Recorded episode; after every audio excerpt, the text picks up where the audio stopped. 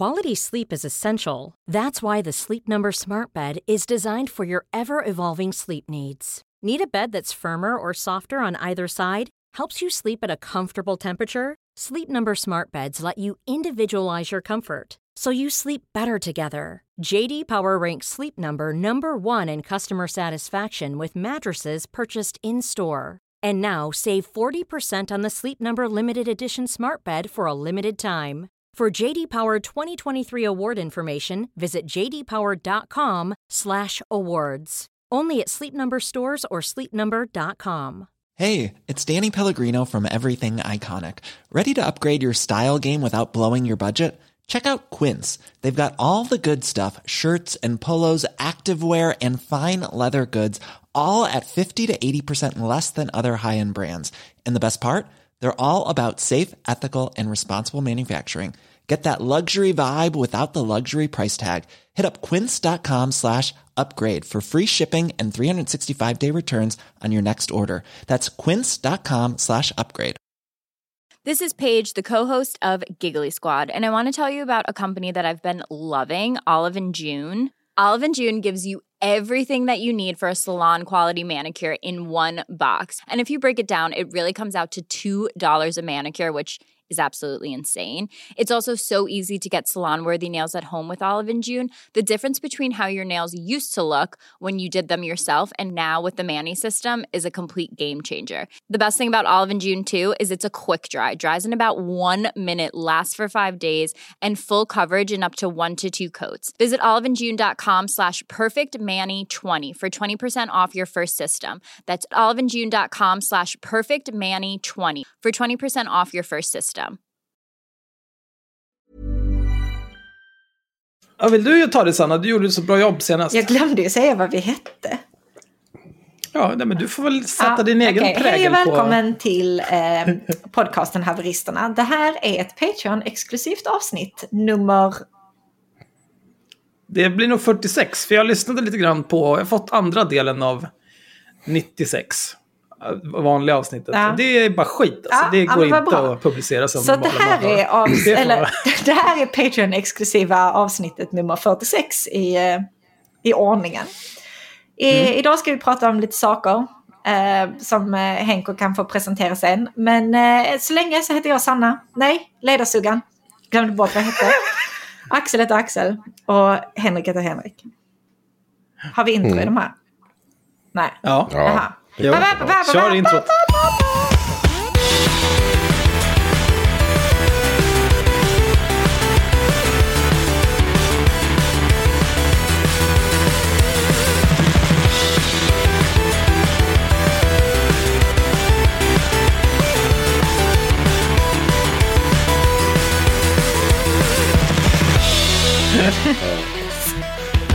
Ja, Vad ska vi prata om idag Henrik? Vi ska, vi ska prata om en viss båt och, och eh, ungefär vad är det, närmare tusen människors död. Och framförallt orsaken till den. Eh, det vill säga Estonia. Eh, och närmare bestämt en dokumentär om Estonia som heter Estonia, fyndet som förändrar allt. Eh, det vi kommer gå igenom idag eh, egentligen är allting finns via öppna källor. Eh, vi kommer li- luta oss väldigt mycket på en artikel av Filter som heter, den hette en granskning, ett bländverk va? Så kolla. Oj, sitter jag och rapar. Ja, perfekt. Bländverk. Vet inte, vad, vet inte vad det, är det här avsnittet är baserat på och så sitter du och läcker olika kroppsöppningar rätt in i micken. Det är perfekt. Bländverk heter bra. det. Men, eh, Bländverk, ja. ja. Eh, och det, den är publicerad på magasinet Filter. Jag kommer göra en push direkt för att det är värt varenda krona att betala för just den artikeln. Vi kommer ha en hel del utdrag därifrån, men man ska komma ihåg att den här är i pdf-form 32 sidor lång. Eh, det är väl värt läsning. Jag har läst den två fan. gånger. Vad, vad sa du Axel? Ja, det var helt bedrövligt att läsa den där. Ja. Men mest för att man vill åka hem till alla människor som, de, som beskrivs och bara kasta dem rätt ut i sjön. Ja. Vilka idioter alltså. Ja, det är, det, det, det är riktigt jävla bra artikel av Filter. Alltså jag, jag, det är kul att någon tar sig an och skriver en så jävla lång artikel. Jag har inte sett bilderna, eh, för jag har bara liksom pdf-ad format. Man hade velat sett hur det skulle ut med alltid, men det är, det är bra. Det är bra skit. Och eh, det ska man lyssna på. Vi har också gått och titt, läst Journalisten, lyssnat på Studio 1 i debatt med då Henrik Evertsson och eh, heter han nu då? Ska vi se så att jag inte sitter och ljuger. Killen bakom Filter, han heter Mattias Göransson, chefredaktör på Filter. Han är med och debatterar med Henrik Evertsson. Och så har vi såklart Facebook som öppen källa där ja, vi kommer återkomma till det i slutet av den här inspelningen. För vi har ju såklart tagit fram eget material här också. Eh, I form av egentligen Henrik Evertssons aktiviteter i den ska säga, radikalnationalistiska miljön på Facebook. Men det kommer förklaras mot slutet. Eh, så att, Du har eh, återgått till dina rötter. Och Ja. letat efter folk som skriver negerboll på Facebook. Det är precis vad jag har gjort. Ja, men någonstans så ska vi ju börja. Vi ska börja med att beskriva vad det här är för dokumentär. Och det, det är alltså Estonia fyndet som förändras allt. Den sändes på kanal 5 i fem avsnitt. Eh, ligger på Dplay eller Discovery Plus tror jag det heter. Eller de är på väg att byta namn till det. Och eh, Sanna, du kan väl berätta lite mer om själva dokumentären. Vad, vad går det ut på för någonting? Alltså dokumentären börjar ganska så här. Det är överlevare från olyckan som berättar om hur det var liksom natten när, när det här hände. Och det, jag satt typ och grät första avsnittet. Jag tyckte det var så jävla hemskt. Det är någon man som sitter där eh, som har förlorat sin sexåriga son ombord på båten. Och alltså det här att de sättet de berättade på, det är väldigt, alla är väldigt tagna och sitter och gråter i dokumentären och det är alltså så här superhemskt och, och tänka sig liksom. Um, och sen så utvecklade ju lite grann under de följande avsnitten till att, um, att det kanske det, blir- det blir lite konstiga utredningar så här. Ska man, ska man hämta upp vraket? Ska man hämta upp kropparna?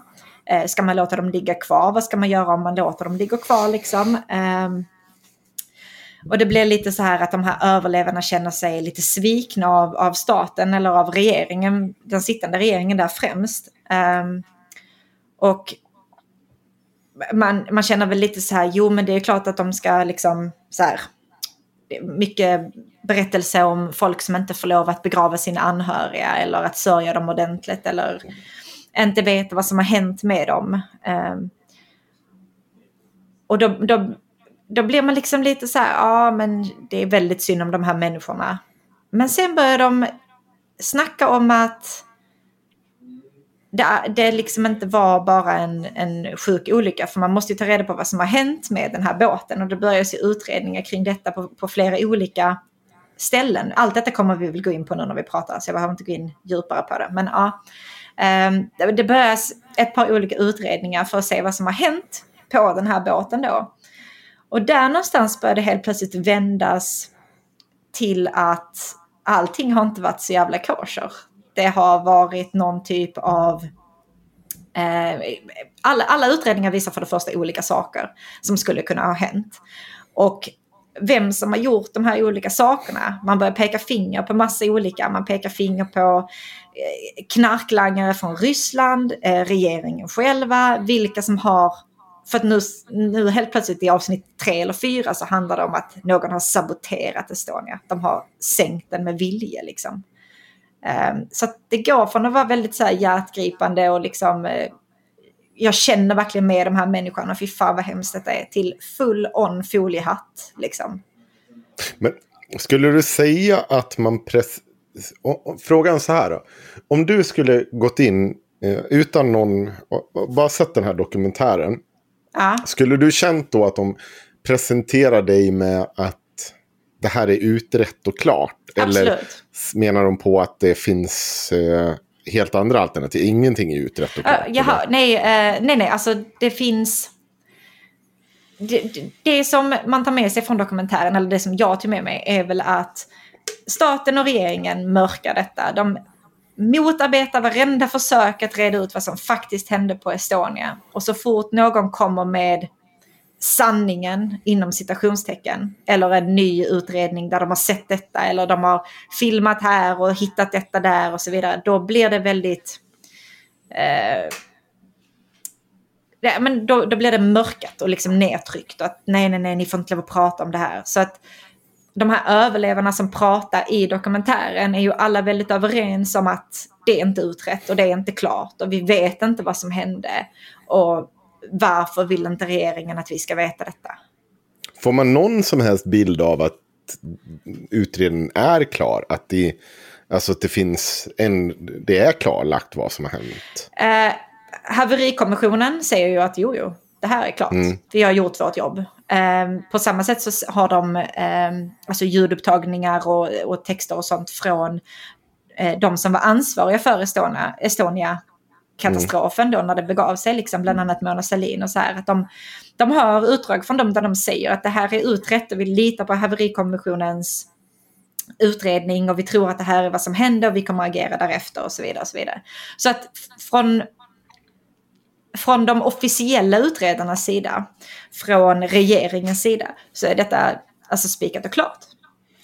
I, I det får man veta i dokumentären. Det Hur- alltså, ja, jag tycker det. Ja. Men hur hur är det ser ju att- vikten ut? Alltså hur mycket får man höra den officiella förklaringen kontra alla de här andra teorierna? Du får höra den officiella förklaringen en del, men det efterföljs alltid av överlevare eller de här andra utredarna som inte är utsedda av regeringen och så vidare, utan alltså privatpersoner eller så vidare. Du får alltid höra deras svar på saken efteråt. Det är alltid den kritiska sidan som har slutklämmen så att säga.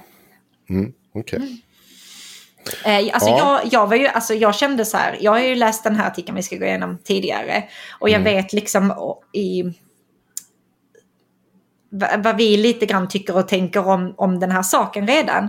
Och hade jag sett dokumentären utan att på något sätt veta det innan så hade jag nu varit väldigt, väldigt färgad. Jag kände att ibland fick, alltså nu är jag ju lite foliehattig, jag tycker sånt är jättekul, så jag gillar ju att dras med va. Alltså det är ju ingen överraskning för någon, men jag fick ändå så här, jag, jag fick liksom så här tvinga mig själv att säga nej, nej, okej. Tänk nu på hur de har lagt upp det här, att de pratar, liksom vilken ordning de får lov att prata i, vad det egentligen är som sägs. Vad har klippts här, Nej. vad har liksom tagits bort och så vidare. Jag fick tänka lite så här, Är det en skickligt berättad historia? Eh, ja, va- alltså menar du, ja, ja men det är det väl. Alltså jag kände ju att jag rycktes med. Alltså så. Så på det Jag sättet, säga- absolut. Min granne här, min nyinflyttade granne, som också typ en, var, råkade vara en kille som jag typ har festat med när jag var yngre. Jag hade ingen aning om att han skulle flytta in här. Men i alla fall, han, han flyttade in här. Ni, ni bor väl 20 pers i din bygd? Det är klart du fäste med honom när han var yngre. Men i alla fall. Så jävla sjukt alltså. Sotan skulle komma imorgon.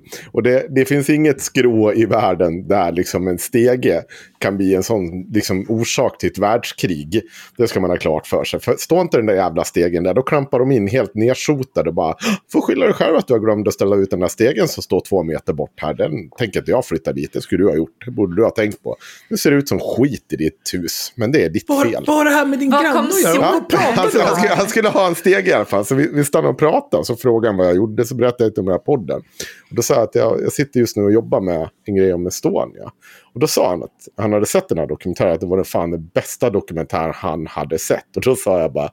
Ja, eh, vi, vi kommer nog ha lite åsikter om den ikväll. och då ja, har jag fått utlova att gå över med eh, filen sen så han får lyssna på det här. Så ja, grannskapet får väl det här gratis om de ska stå ut med mig. Men i alla fall, så han, han tyckte det var en fantastisk dokumentär. Det var, Ja men för den är väldigt gripande och den Ja. börjar liksom med det här, vad, vad jag tycker väldigt neutrala avsnittet där man liksom fängslas av så här hur det, Och jag, alltså jag är ju född 92 och detta Ja. skedde ju 94 så jag hade ju ingen chans att följa det när, när det begavs. Eh, men så jag har haft väldigt lite grepp om det, så jag tyckte att det var skitintressant att liksom äntligen få reda på. Men jag insåg ganska snabbt att vänta, det här är kanske inte den pålitligaste källan av, av dokumentär. Liksom. Nej. Så är det. Jag ska försöka kolla eh, snabbt här. Evertsson. Är det en rödkola du har där på bordet, Henrik? Va? Är det vanlig rödkola? Nej, nej, nej, det är zero. Ja, jag Ta, hoppas det. lugna ner dig För nu. fan, ta dig samman alltså. Gud. Kan vi inte bara diskutera det faktum att jag faktiskt har cola och inte... Ja, Okej, jag hade en öl också, men den var kvar sedan igår. Jävlar vad... Ja, det går ju inte. Sitter du och dricker dina egna slaps? ja, ehm, jag ska se här. Herregud alltså.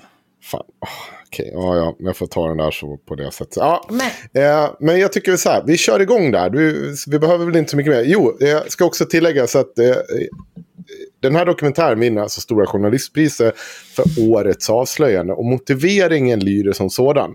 Han trotsade dykförbudet och fann hålet som tvingade tre regeringar att gå till botten med gåtan Estonia. Eh, jag tycker också att det är värt att påtala att i bara namnet Estonia, fyndet som ändrade allt, så tar man ju ställning till att det här fyndet faktiskt har förändrat allt och det här är super, av superstor vikt och så vidare. Tycker att det är viktigt att ta det med sig genom hela den här berättelsen. Men Axel, du ska få läsa första stycket ur Filters artikel då. Ja, vi får se. Till och med skriver Axel jag, där. jag, skulle, jag skulle säga så här. Eh, jag känner att det är en smula opassande att prata om att gå till botten med saker i det här sammanhanget. Så hade inte jag gjort. Nej. Det är lite osmakligt kanske. Det känns som att någon där kunde ha tänkt, finns det något annat sätt vi kan förmedla det här? Ja, flyter inte riktigt det där skämtet alltså. Ja, gud. Alltså, nej men jag... ah, jag umgås så mycket med göteborgare nu. Jag avskyr er allihop. Oh my god! Nej, det- det är bra. Eh, ja, stora journalistpriset. Mums. Ah, Klipp bort det där. Nu kör vi. Estonia, fyndet som ändrar allt. Vad är det man hittat? Vilka har man intervjuat? Och hur framställer man det? Nu det här är ju fel. något helt annat. Du ska läsa där det står. Hur går det för Axel? Nej, det går bra. Det står Axel i fetstil. Ja, jo, men jag tror att jag... Alltså jag läser på automatik. Jag håller inte på... Jag, jag, jag behöver inte begripa vad jag läser, jag bara läser. Nej, du kan läsa men du har noll läsförståelse. Vi förstår. Precis. Kör vidare.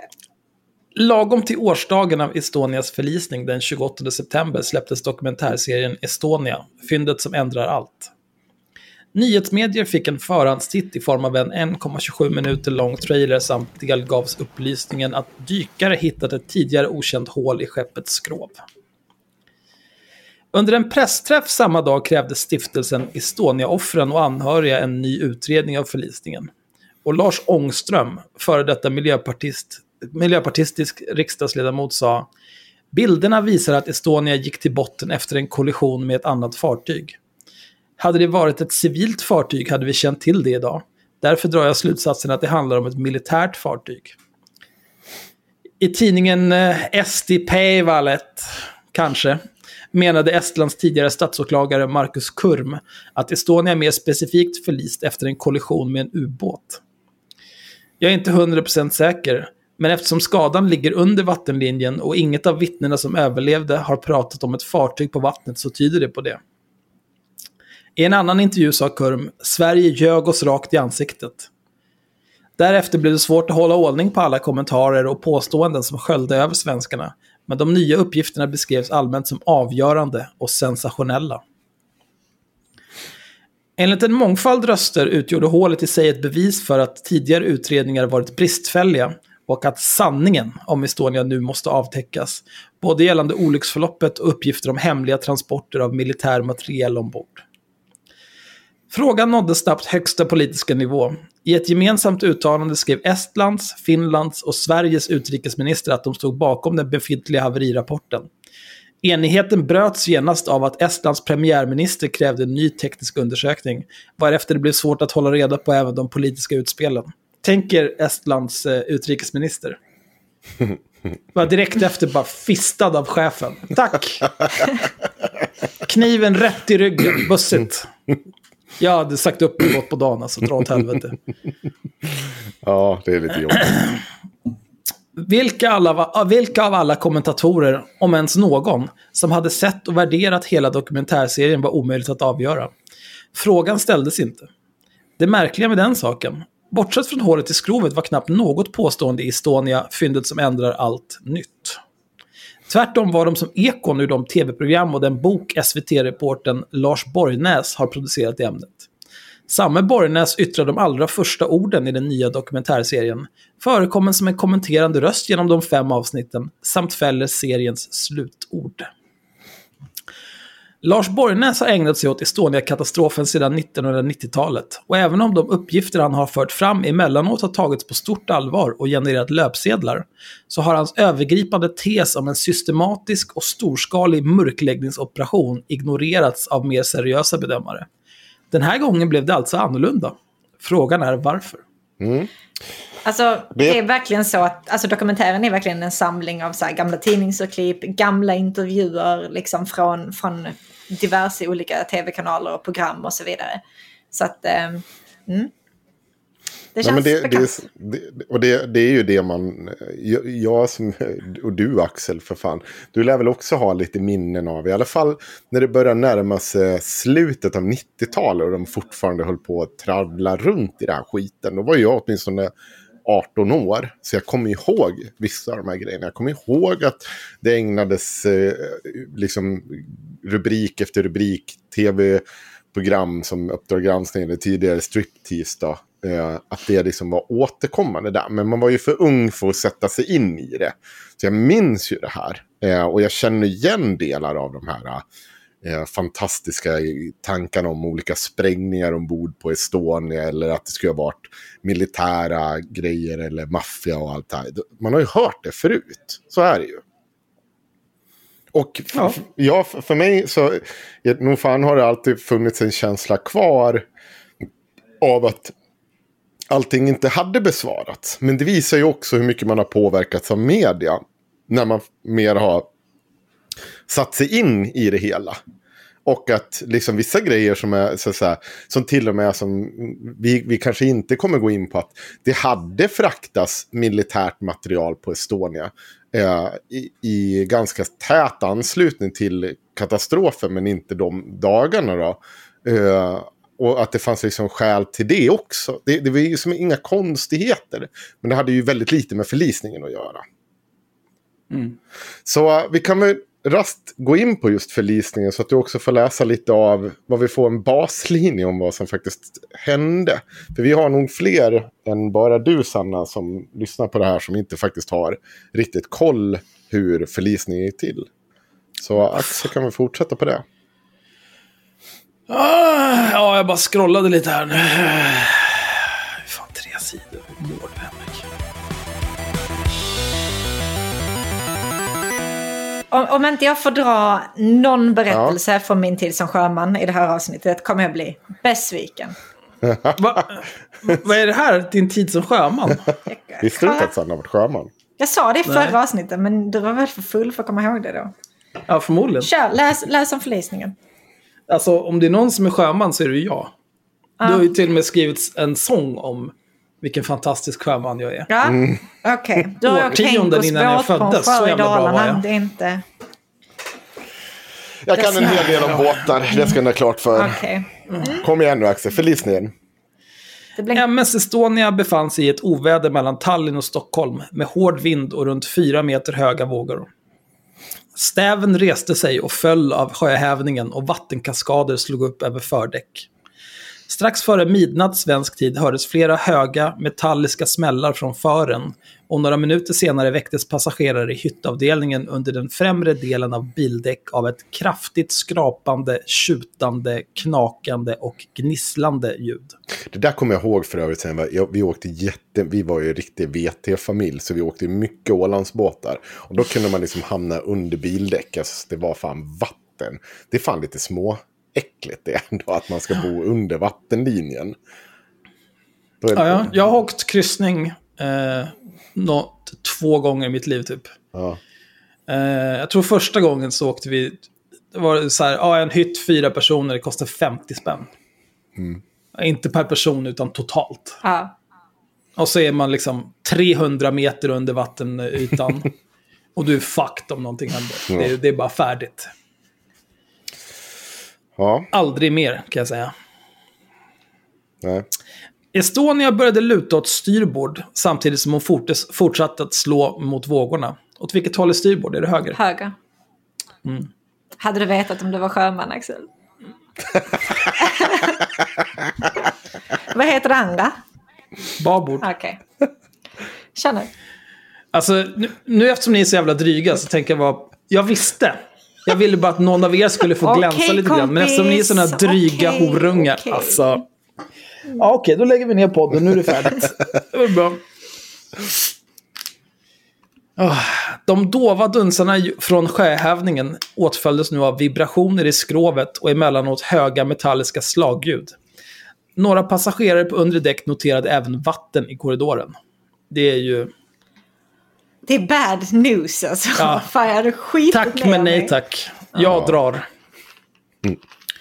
Minst en av de 989 ombord insåg redan nu att fartyget befann sig i sjönöd och rusade upp genom båten i bara kalsongerna. Han, Cirka 00.15... Ja, han är med i dokumentären. Han säger det typ Mm.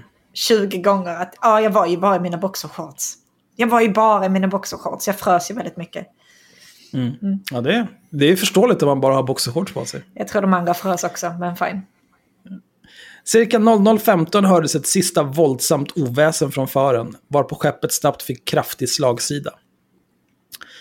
Allt medan besättningen försökte begripa vad som hänt och hur allvarlig situationen var sökte sig passagerare upp mot livbåtarna. I takt med att lutningen förvärrades blev det allt svårare att ta sig fram. Vid 00.35 låg Estonia helt på sidan och med akten under vattnet. En kvart senare försvann fartyget mot djupet med de flesta kvar ombord. Det första av de fartyg som uppfattat Estonias nödsignal anlände till olycksplatsen redan 20 minuter efter förlisningen. Men vinden och vågorna gjorde att man bara kunde observera överlevarna som kämpade för sina liv i det 11-gradiga vattnet. Med tiden anlände räddningshelikoptrar samt fler fartyg och fram till åtta snåret nästa morgon lyckades man rädda livet på 137 människor. Därefter återstod bara drunknade och ihjälfrusna. Estonias förlisning den 28 september 1994 blev den dödligaste i Europa sedan andra världskriget. Olycksorsaken var inget mysterium. Redan dagen därpå refererade medierna till vittnesuppgifter om att vatten strömmat in från fören och drog paralleller till liknande skepp som kapsejsat efter problem med bogvisiret. Den uppfällbara del av fören som knappt någon känt till namnet på tidigare. Detta stämmer. Jag tror 94 och 95. Eh, jag tror jag aldrig har hört bogvisir så många gånger i mitt liv. och sen var det ju kul för att bogvisir låter ju nästan som bögvisir. Och det är ju en kul tanke att det finns någonting som är ett bögvisir. Okej. Det var kul då i alla fall. Ja, okej. 94, var du 16, 17 då Axel? 15, 16. Ja, okej. Mm. Bara kolla. Ja. Tack. Mm, mm, mm, mm. Eh, Eh, den 2 oktober filmades vraket av en undervattensrobot och bogvisiret visade sig vara försvunnet. Drygt två veckor senare upptäcktes det på havsbotten 1,6 kilometer därifrån. Hur och varför det lossnat ålades en svensk-finsk-estnisk haverikommission, JAIC, att reda ut.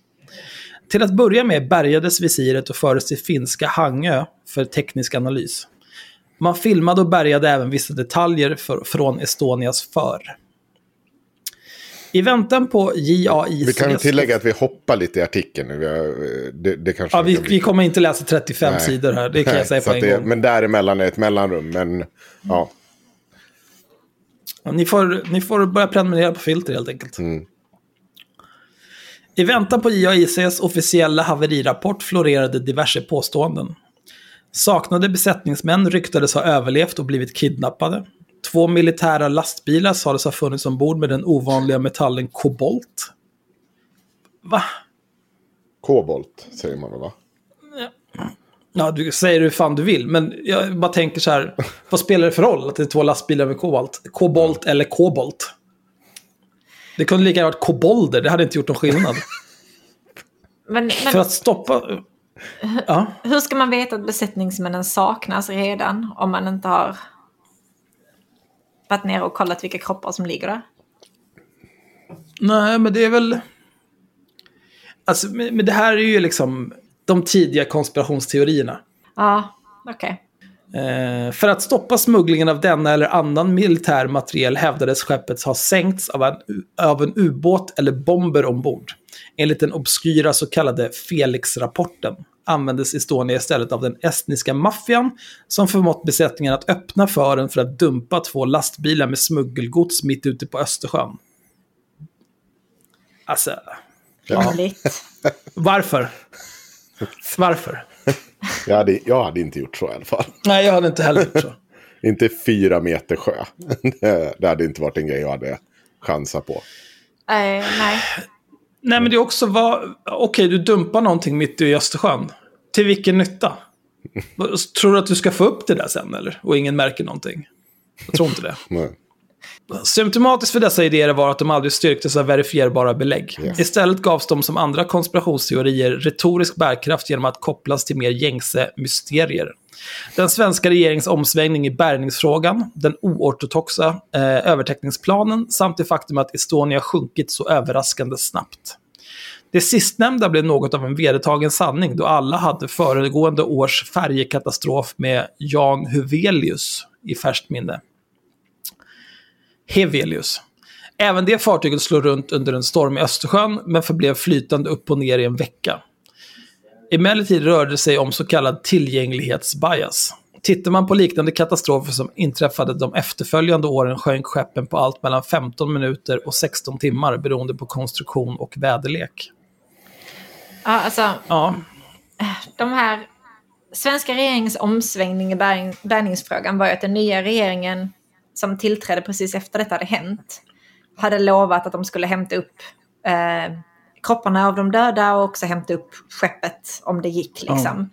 Eh, men sen så ångrade de sig eftersom de tillsatte någon typ av etiskt råd som skulle utvärdera det här. Och, det, eh, en, en, och en dykarfirma som skulle utreda om huruvida det skulle gå att bärga delvis kroppar och delvis skeppet. Så dykarfirman sa, ja men det här funkar. Och etiska rådet sa, nej, inte så etiskt. Så då beslutade de sig för att vi ska inte bärga någonting alls. Och det var den omsvängningen. Och oortodoxa övertäckningsplanen blev sen när de beslutade för att de inte skulle hämta upp någonting och allting skulle ligga kvar på sjöbotten. Då behövde det ju vara skyddat av så här grifte, griftefridslagstiftning. Ni vet, så att man inte bara kan komma dit och plocka vad fan som helst av, av kropparna liksom. Så då bestämde de sig att de skulle täcka hela skiten i cement så att ingen kunde komma och pilla.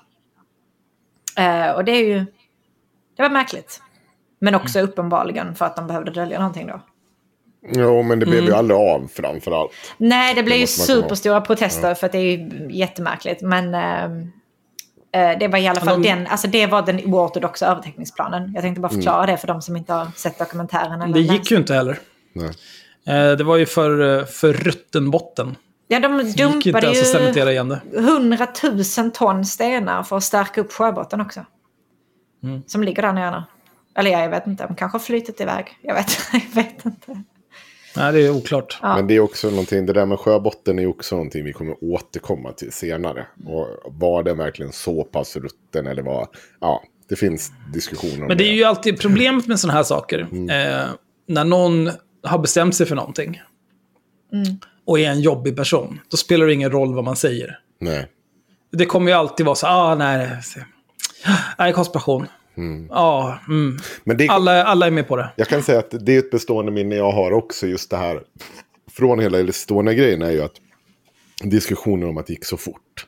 Att det var någonting speciellt med att det gick så fort. Samtidigt, utan att absolut vara en båtexpert som jag just utgav mig för att vara. Om hela jävla bogvisiret försvinner och allt det här skiten. Det känns inte superkonstigt att det sticker, det går åt helvete ganska fort. Om du åker med en båt som är helt jävla öppen fram till.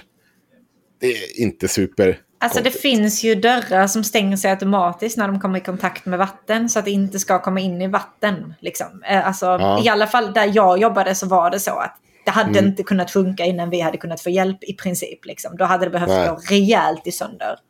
Eh, men jag jobbar ju också inte på båt 1994. Eh, Nej, och framförallt så finns det också omständigheter där. Men, men vi, Ja. vi, vi kommer till dem. Så Ja. fortsätt läs. Axel. Du är inte min chef. Nej, okej. Eh, hösten 1997 var JAIC äntligen färdiga med sin slutrapport. Kommissionen hade kritiserats från dag ett för att medlemmar i varierande grad var kopplade till verksamhet som skulle granskas, samtidigt som den inte rymde några fristående internationella experter. Inte blev det bättre av att kommissionen tog över tre år på sig att slutföra sitt arbete. Något utlopp för den som sökte en enskild syndabock att rikta sin vrede mot gav inte rapporten. Istället radade JAIC upp en lång rad olyckliga omständigheter som slumpen fört samman under katastrofnatten. Till att börja med borde olyckan inte ha kommit som någon överraskning. Kommissionen redovisade 16 andra tillbud där bogportar skadats eller öppnats vid hård sjö enbart i närområdet. Vid de tillfällena hade besättningen oftast insett vad som hände, dragit ner på farten och antingen vänt hemåt eller uppsökt lugnare vatten. I några fall hade man först efteråt upptäckt spruckna, knäckta eller losslitna fästanordningar. Skadorna reparerades och man körde vidare, utan att vare sig rederier, klassningssällskap eller fartygskonstruktörer dragit några övergripande slutsatser. Å andra sidan var, det, var detta den första gången någon gjort en sammanställning. Estonia byggdes under ett annat namn för att trafikera skärgårdssträckan Åbo-Mariehamn-Stockholm och stävade på i förhållandevis lugna vatten i 13 år. Efter Estlands självständighet grundade rederiet Estline, grundades rederiet Estline och 1993 sattes Estonia istället in på dagliga turer mellan Tallinn och Stockholm med en ganska oerfaren estnisk besättning. Kommissionen konstaterade att både den och skeppet bara utsatts för hård sjö vid enstaka tillfällen före olycksnatten. Genom att jämka 254 vittnesmål från överlevare med tekniska fynd och annan dokumentation rekonstruerades färjans sista färd. Vad gällde passagerarna nöjde sig JAIC huvudsakligen med de polisförhör som hållits efter katastrofen, medan besättningsmedlemmarna även hördes av kommissionen. Som alltid var överlevarnas hågkomster spretiga och delvis motsägelsefulla. Människans kapacitet följer något som kallas för Jerks-Dodsons lag. Upp till en viss stressnivå blir vi allt vassare, sedan sjunker prestationsförmågan i takt med att hormonerna skenar. Mentalt uppstår vad man kallar för tunnelseende. Sinnesförmågorna tenderar att riktas mot det akuta målet eller den omedelbara faran, medan omkringliggande detaljer och skeenden kan uppfattas fragmentariskt eller inte alls. Och det här kan man tillägga också att Filter här lägger ganska mm, stor vikt och presenterar hur det funkar med vittnesmål. Vi kommer inte gå igenom det här och nu, men jag tycker de gör det på ett jävligt bra sätt när de påtalar de här olika sakerna, som varför det kan skilja sig från varandra, vad det är som gör det, vad det är som, ja, eh, de, de gör det väldigt bra i alla fall. Så att, än en gång, när ni har lyssnat på det här, var inte rädda för att skänka en slang till Filter och gå in och faktiskt läsa hela den här artikeln själva. Vissa av bogvisirets fästanordningar visade hur som helst ha varit påverkade redan före avfärd. Någon hade justerats med skärbrännare, i en annan fanns sprickor. Lasten på bildäck hade dessutom placerats så skevt att fartyget fått en sla svag slagsida åt styrbord, det vill säga höger. Vilket man justerat genom att fylla babords krängningstakt, den till vänster då. När Estonia efter några timmars färd nådde öppet hav blev sjögången grov och kaptenen slog av något på farten.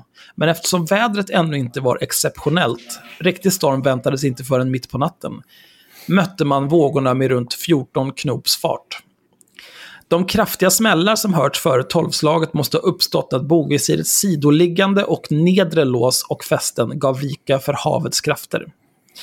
En besättningsman på bildäck ombads undersöka saken, men förstod inte vad som hänt eftersom förens insida täcktes av en uppfälld påkörningsramp och inga kontrolllampor signalerade fel. Bogvisiret var inte heller synligt från kommandobryggan. Därefter uppbars huvuddelen av visirets vikt av dess övre fästen. Med visiret borta och rampen öppen flödade vatten fritt in på bildäck. Exakt hur vattnet spridit sig därifrån till övriga delar av fartyget kunde man inte säkert förklara, men uppenbarligen hade det hänt. Slagsidan blev kraftig och först nu insåg man allvaret på bryggan. Farten ströps, man försökte balansera fartyget med babords krängningstank, men den var ju redan fylld. Och ändrade färdriktning, dessvärre mot vinden, så att skeppet vattenfylldes ännu snabbare. Estonia var dödsdömd oavsett. Mm. Man, går igenom, man går även igenom lite mer om just själva förlisningen i händelseförloppet i artikeln. Men det får ni in och läsa där.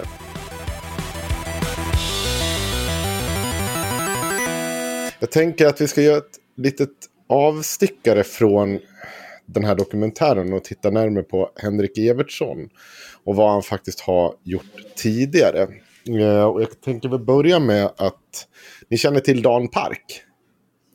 Ja, Ja, tyvärr. du så. Ja. Det är där- också någon som skulle bli knipsad om Marcus och Malcolm fick som de ville. Ja, det, det skulle han verkligen. Eh, Bara snöpa den där jävla oduglingen. ja, vi har ju faktiskt diskuterat honom med Makode Linde här i lindan av vår podd. Eh, en gång för jävligt länge sedan. Jag kommer inte ihåg när fan det var. När Makode satt och bara hånade mig hela tiden. Ja, Men i alla fall. Don Park. Konstnär. Också nazist. Nazistisk konstnär. Eh, går gärna med NMR i deras tåg. Sitter och skriver rasistiska, sak rasistiska saker på Twitter. Folk försvarar honom jämt med att Nej, men det är ju bara konst han sysslar med. Jo, men han är nazist också. Och att hans konst hela tiden går i linje med hans nazistiska sympatier, det, det måste ju ändå så vara värt någonting. Det går liksom inte Det bara kan ju inte vara en slump. Nej, det går inte bara att avfärda som att det är just a prank bro. Just konst bro. Han har också blivit dömd för hets mot Ja. folkgrupp ungefär 8 Eh, Henrik miljoner Evertsson gånger. har gjort en Ja. dokumentär om honom. Eh, och eh, Eh, utöver det så har han ju också suttit i fängelse för hets mot folkgrupp. Det är lite spektakulärt.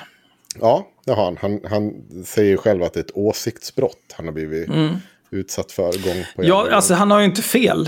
Eh, men Nej. åsikten är ju nazism. Och det är som jag sagt så många gånger om nazism, det där redde vi ut 1945. Ja, Men du kan ju ha verkar- åsikter, det handlar ju om vad du gör med dem. Liksom. Eh, Ja, man kan ställa olika typer av eh, behållare utanför judiska skolan och skriva cyklon B på dem. Det är en Ja. sak man kan göra. Mm. Om man vill sitta på kåken. Det kan man. Ja. Idiot. Men i alla fall, eh, han har gjort en kort dokumentär om honom. Jättekort. Eh, och helt okritisk förhållnings, utan det är bara Dan Park som får berätta om Dan Park.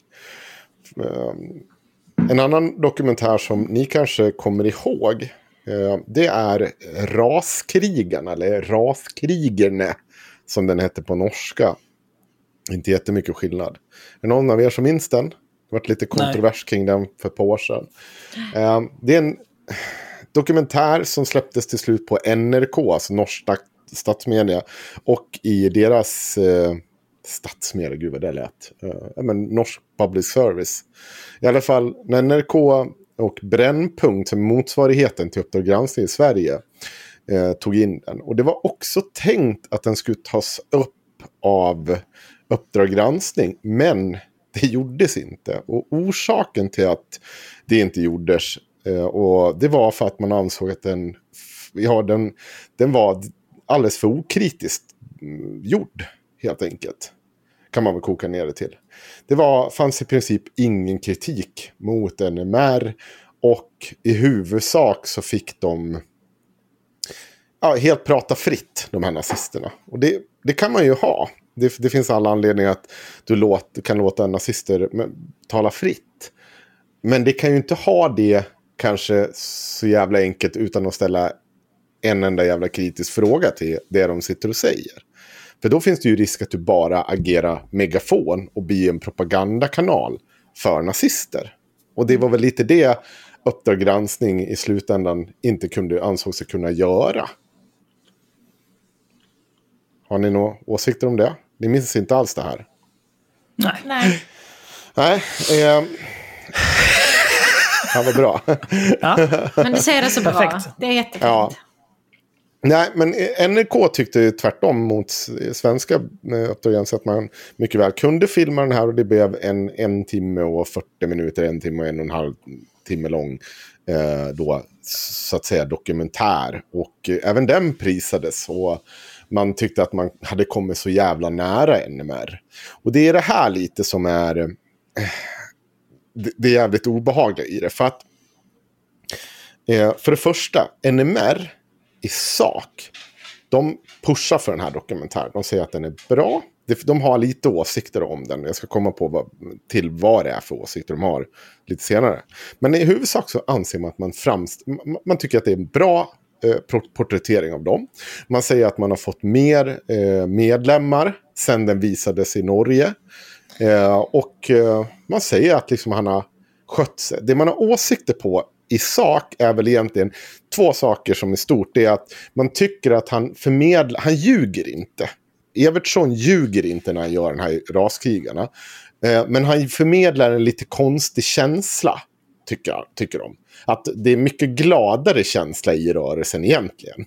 Alltså det, de verkligen har ett mm. långt utläggning om hur de är glada nazister ibland. Och det tycker inte de att han har tagit med. Nej. Det, det han har bara värvat medlemmar till dem, men uh, inga glada men det är liksom, medlemmar. de hade gärna sett att det var liksom ett hemma hos Hitler. ja. Ja. ja det, det, Bra alltså, verklighetskontakt. jag älskar att lyssna på, ibland på NMRs podd. Alltså, det är så bra. Men jag, jag, jag går ju bara runt och ser sur ut hela tiden. Vi är ju glada också. Ja, ni är glada nazister ibland också. Det förstår vi jag.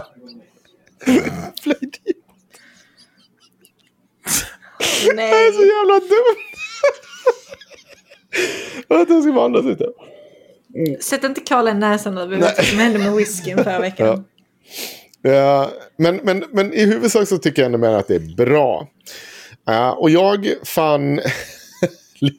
jag, jag hittade den här artikeln på Nordfront och då säger de så här. Personligen, och det här är Håkon, eh, kommer inte ihåg vad han heter i efternamn, det är faktiskt skit detsamma. Nazistjävel från Norge. Deras eh, som har flytt, flytt till Sverige, säger han. Personligen så kan jag säga att så fort jag hör namnet NRK nämnas i dessa sammanhang så ringer samtliga varningsklockor. Det blev dock klarlagt att projektet var Evertssons och att Brännpunkt-redaktionen arbetat avskilt från resten av NRK. Vi erbjöds också ett kontrakt där de gick med på en rad villkor som vi hade. Däribland att vi skulle få se igenom programmet för det skulle, eh, före det skulle sändas och komma med korrektur och kritik. Eventuella framtida bruk av råmaterialet som icke användes i programmet krävde också organisationens godkännande. Eh, och det här fick jag så här, vänta nu, vad, vad är i helvete är det de har skrivit på för typ av kontrakt? Jag fick också eh, indikationer på att man skulle ha haft som krav att inga utomstående experter skulle få kommentera. Det här dementerar dock de starkt. Då. Jag får tag på, eh, jag, när jag hör av mig till Henrik Evertsson så säger han att han vill inte svara på kontraktsfrågan själv. Men han säger så här att jag ska ringa Odd Isungset, redaktör. Eh, och när jag når honom så säger han att eh, han vill inte... Han vill inte... Han, han, säger att man har... När man gör sådana här typer av dokumentärer så har man gjort kontrakt som liknar det som de säger. Han, han svarar inte på en direkt fråga om kontraktet ser ut som de säger. Det vill säga att eh, eh, de ska få styra hur råmaterial används och att de ska få komma med korrektur och sånt inför. För, ni hör ju vilken jävla påverkanskraft du kan ha på en dokumentär. Då. Det är klart att det, det, känns... Det är ju en dokumentär som är helt meningslös att titta på för att den är bara ja, skit. Ja, och, och jag kan ju nämna då det är två saker som också som en, eller en grej som NMR tar upp. De, de, är, de har lite problem med hur, det var ju en dödsmisshandel i Finland, kommer ni ihåg det av NMR? Det är en kille som mm. springer fram och typ droppkirkar en kille i bröstet, han slår i eh, backen och sex dagar senare dör han. Där tycker de att han, eh, att han framställer NMRs, den här killen orättvist. Det, mördaren? Det, ja, mördaren. Ja, ja, fast okay. han döms inte för mord. Han gör inte det. Men filmen finns ju där. Det, det är ju, jag vet inte om det är så att de inte kan koppla det till att det är på grund av den här dropkicken. Jag kommer inte ihåg. Men han, han klarar sig från mord. Och där har de lite problem med. Eh, En annan så kritisk grej, det är ju helt, det är det magiska ögonblicket när Henrik Evertsson sitter med Vera Oredsson. Och för den som inte vet vem det är, så är det faktiskt Sveriges första kvinnliga partiledare. Jag har till och med stått i riksdagen med en guide och bråkat om när hon påstod att, jag tror någon på Liberalerna som skulle vara första partiledaren. Och jag bara, nej nej, det är nazistkärringen som är Sveriges första partiledare. Det ska du ha klart för dig. Och den här guiden vägrar. Jag bara, nej, du har fel. Sluta Ja, det är klart du, det är klart du skulle ställa till med en scen Det då. Du kan inte bara där släppa vet vi det. alla en kulle du skulle dö på. Det förvånar Mm. ingen. Nej, men, eh, ja, men jag kan en hel del om en hel del, säger jag. Men Speciellt fall, nazistkärringen. då sitter hon där, så, så frågar jag, så, så bara, ja men vad tror du om det här med förintelse? Nej, hon tycker ju att det är bara trams och sånt där. Så bara, det, det här är hans svar på det. Ja, men vad tror du alla judar tog vägen i Tyskland då? Och då säger hon, ja, de em- emigrerar väl till USA. Och sen var det slut på den diskussionen. Yes. Det är lite smala sussiga där. Ja, de, kanske, de kanske är ute med hunden, jag vet inte. Kanske är hundvakt. Ja. Ja, det är liksom allt. Ja, och det blir ju väldigt, väldigt märkligt. Och jag minns den här kritiken. Jag minns verkligen hur, att det inte skulle visas. Men eh, i Norge var det en grej. Och det konstiga var, det är när jag ringer till den här Odd, redaktör. Han var ju jävligt defensiv direkt. Han tyckte att jag skulle höra av mig till Sverige och fråga varför de inte sände den. Och, och han skröt med att de hade kommit närmare NMR än vad någon annan hade gjort. Och sådär. Jag bara, jo, men det är väl klart som fan att du kommer nära NMR. Jag under ett faktiskt kontraktslöfte att jag ska i princip bara låta dem prata. Så ska jag sända det för hundratusentals, en miljon publik kanske. Det är klart att de kommer gå med på det. Jag kommer komma hur nära som helst, det är inga problem. Så länge de får styra allt och de får berätta. Ja, om de det- får komma med korrektur. Det är ju det som är det dummaste. Ja. Att om de får godkänna vad som ska sändas, då är det ju bara att skicka hela den där dokumentären åt helvete. Ja, Tillsammans med de som har gjort den, för att de har ju ingen som helst integritet. Ja men det blir ju bara det här är NMR enligt NMR. Alltså det är Ja, ju... ja och vi vet, att, ja, vi vet att NMR, det är inte direkt det mest pålitliga lilla gänget som finns i det här landet. Jag säger inte, men vi kan göra en annan jämförelse som jag fick till med. Det var så här, tror ni att det hade accepterats att någon bara följer runt sossarna och inte ställer några kritiska frågor och sen sänder det på Uppdrag granskning? Nej, det Efter hade... att sossarna har fått godkänna. Ja, Ja. eller Ja. Moderaterna. Eller SD. Det hade, Är det katastrof? Nej, det, det är totalt. Det är klart, varför skulle den här? Och det han säger då, det, då säger han bara så här. att, Jo, men det är ju så många andra som redan har sagt att de har fel. Ja, jo, det är väl sant. Han, säger, han svarar också på den här redaktörsfrågan. Om, nej, om, det, om de inte hade... Om de hade villkorat just det här med att ta in utomstående experter, då säger han nej, det har de absolut inte gjort. Det, det var ett redaktionellt beslut vi tog, för vi ansåg att det hade, eh, det hade redan sagts i så många andra sammanhang. Och det är så sinnessjukt sätt att resonera. Det är bara så här, ja men förintelsen har inte, eller så här, förintelsen har inte hänt, ja vi behöver inte säga emot det, för det har ju andra redan gjort. Va? Vad är det? Hallå? Ja, det är konstigt. Är Superkonstigt. Och jag tycker att, om, för de, våra lyssnare nu, det, just nu pågår en serie som heter någonting med antivaxarna på SVT. Är det någon som har sett den av er? Inte sett. Nej. Nej, jag har sett de först, två första avsnitten. Superbra. Då har man alltså mer eller mindre gått undercover. Man låter de här antivaxarna tala helt fritt. Men det man gör också, det är att påtala att det här stämmer inte. Det här stämmer inte. Det här stämmer inte. Man gör det snyggt och konsekvent. Man har experter med som uttalar sig. Det här stämmer inte och det är på grund av det här. I raskrigarna, vid vissa tillfällen, då framstår det till och med som att polisen är emot stackars NMR. Att de bara är en bunt gatuaktivister. Att de blir liksom attackerade av polisen. Det är liksom så här, allt det här andra runt omkring som händer under den här perioden där det liksom, eh, de be beväpnade, alltså så här, eh, vapenbrott, all, allt det, det är bara borta. Det finns inte där. Och det är så, jag tycker att verkligen att om man har tid så ska man sätta sig ner och se den här dokumentären någon dag. Eh, den finns på NEK, det är bara att söka på raskrigarna. Eh, och sen ska man se också antivaxarna och jämföra. Att det går ta med fan visst att vara kritisk. Men problemet är ju att nej, då får du inte sitta med Simon Lindberg som är chef liksom för nazisterna i Sverige. För han är inte intresserad av att prata med dig om inte bara hans version kommer fram. För det blir fel annars. Så att det finns ju en stående kritik sedan tidigare mot Henrik Evertssons arbetsmetoder. Och det kommer bli väldigt viktigt att ta med sig in i nästa del när vi ska gå in på då, um, eh, just kritiken mot Estonia-dokumentären. Eh, och i, i Filters artikel så går man igenom flera av de konspirationsteorier som har florerat genom åren. Det här vet ju du Sanna, eller hur? Eh, bland annat om sprängningar, ubåtskrockar, militärfordon. Ja. Inte nödvändigtvis att man säger att det är konspirationsteorier, utan man lägger fram det liksom ganska okritiskt. Att det, det, det finns saker som pekar på att det här kanske stämmer ändå. Just det, att filter går igenom de här också. De är jättebra på att faktiskt reda ut de här olika sakerna. Men vi ska ta några av de exempel. Och viktigt här nu, det är två individer som vi återkommer. Vi tog det i början, vi tar, nämnde Lars Borgström. Och sen kommer det också en kvinna Lars nu. Borgnäs. Eh, Lars Borgnäs och Jutta Rabe. De två kommer vara centrala för den här dokumentären. Och mm. Axel, du kan väl läsa upp ett sånt här exempel på konspirationsteori som jag... Nej, jag är inte så sugen. Nej, vad skönt.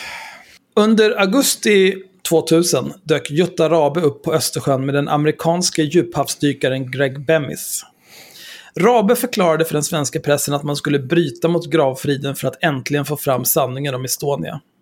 Expeditionen blev inte mindre kontroversiell när det kom fram att hon även tänkte använda bilder från vraket i sin och Vittes kommande spelfilm. Vitte här är Henning Vitte. Mm, just det. En annan total galning. Ja, han tror ju på att eh, det finns olika typer mind control center här i Stockholm som styr våra tankar idag. Mm. Han, han är väl insyltad med Swebb-TV? Ja, och, nej, uh, nej, nej, det vet jag. Jo, han har nog varit med där. Men vi har ju haft honom i... Han var ju insyltad i att rädda ett barn i uh, en av ah, våra tidigare. Ja, just det. Ja, och där sitter han ju med uh, Mark Saftluktan och uh, Conny. Conny och diskuterar om Ja, men just Tracker också One. Mind Control Centret som ligger in bredvid tingsrätten och grejer. Ja. Oh, Gud. Man ska det osmakligt att använda bilder på faktiska offren i någon spelfilm. Ja. Liksom. Ja. Oh, det är vansinnigt. Rabe spred snart uppseendeväckande påståenden om dykningarna. Vraket var omgivet av ett fält av kroppar. Och dessutom hade man upptäckt ett tidigare okänt hål i Estonias skrov.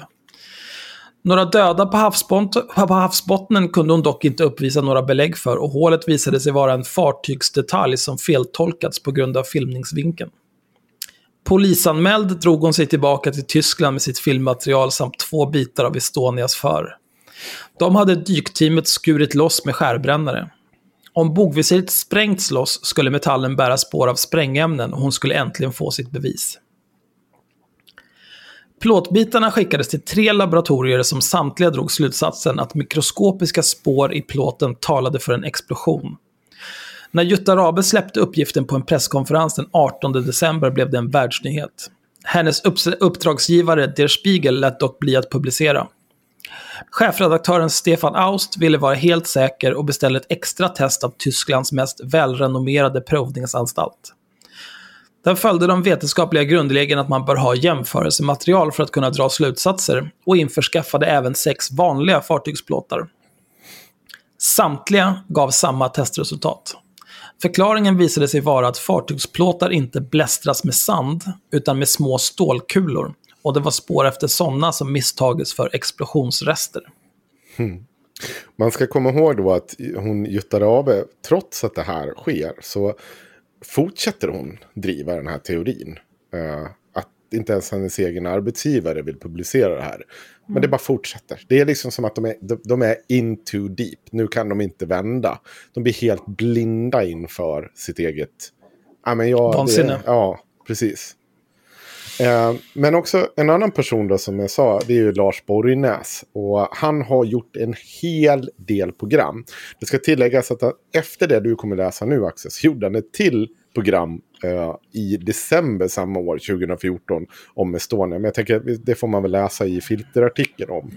Eh, men du kan väl börja läsa. Du är inte min chef, har jag sagt det? Ja.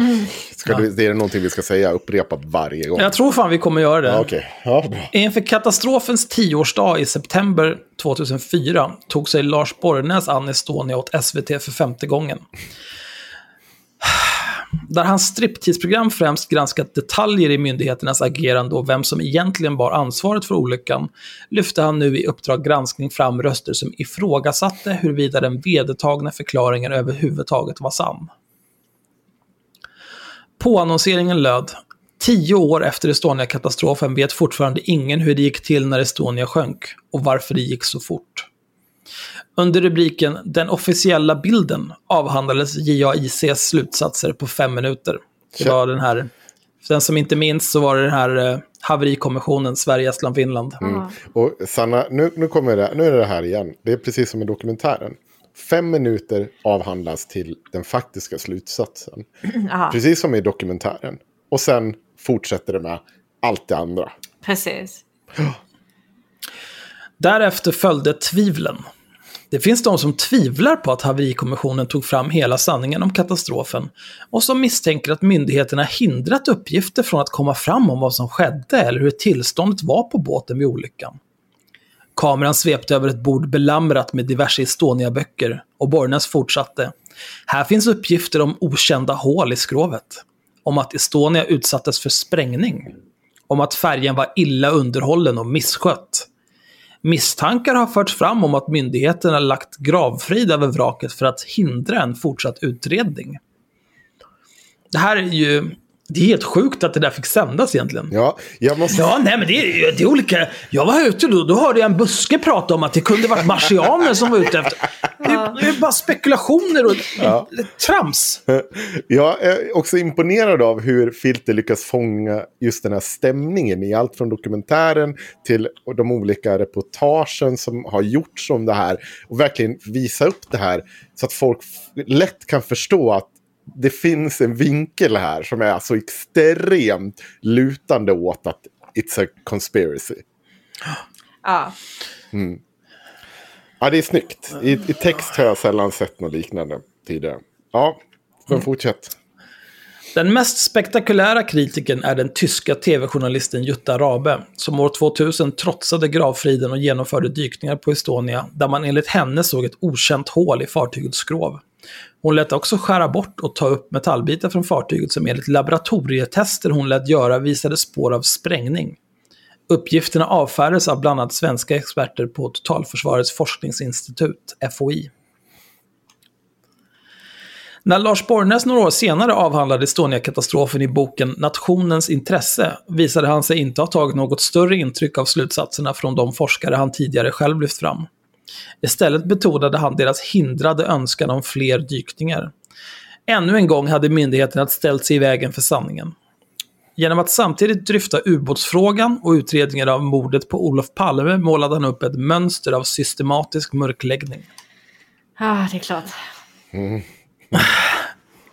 Det är skönt att kunna haka på alla så här riktigt stora grejer och skriva en bok om alltihopa.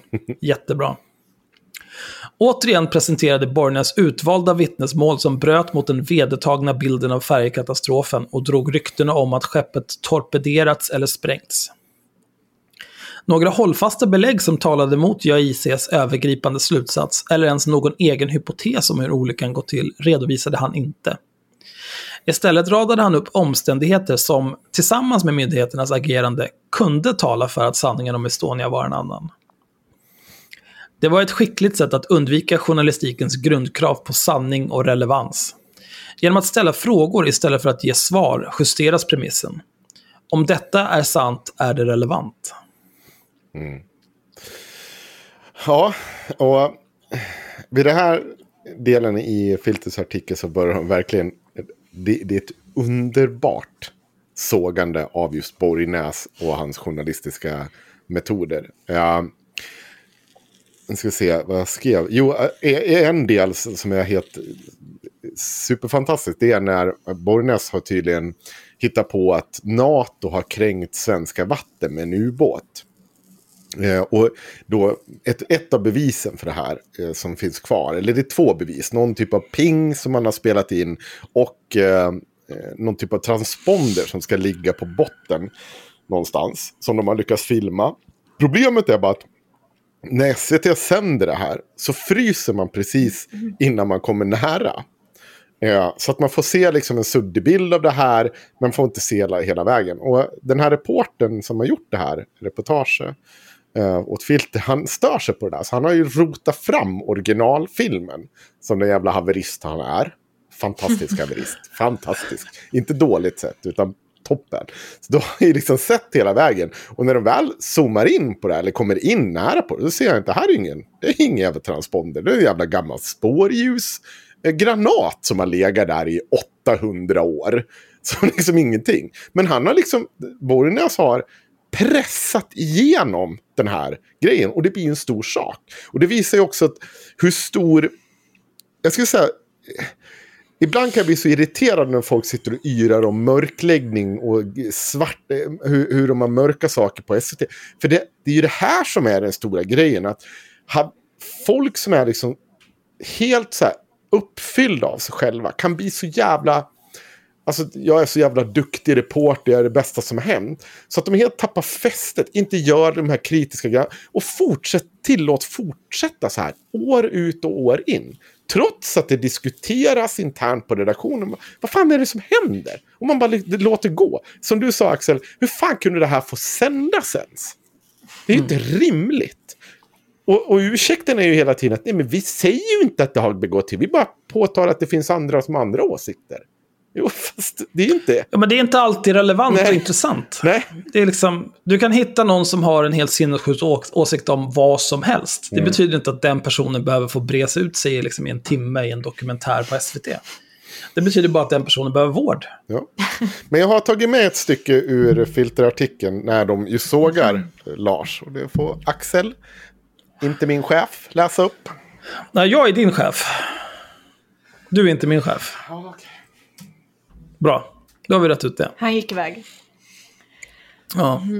Jag är inte ensam, ensam om att fascineras av SVT-legendaren. Den undersökande SVT-reporten Fredrik Laurin, mest känd för avslöjandena om Telias mutor till Uzbekistan och CIAs utomrättsliga fångtransporter efter den 11 september, berättade hans första tv-jobb var som researcher åt Lars Borgnäs. Denne skulle tillsammans med Norra Magasinets Thomas Bresky producera tre timslånga striptease-avsnitt om Palmemordet inför tioårsdagen 1996. De hade redan samarbetat om sju program i vilka de gång på gång återkommit till uppgifter som talade för att mordet utförts av en konspiration med försänkningar inom polisen. För Laurin var det lärorikt att få bistå de mer rutinerade grävarna. Han fick undersöka allt från telefonskåp i Gamla stan till medlemskap i olika skytteföreningar. Ingen detalj var för liten så länge den talade för att mordet var planerat och hade en koppling till den Palmehatande krets som Borgnäs och Bresky identifierat. Laurin fick bland annat i uppdrag att kontrollera om en militär deltagit vid ett möte som skulle ha hållits före mordet.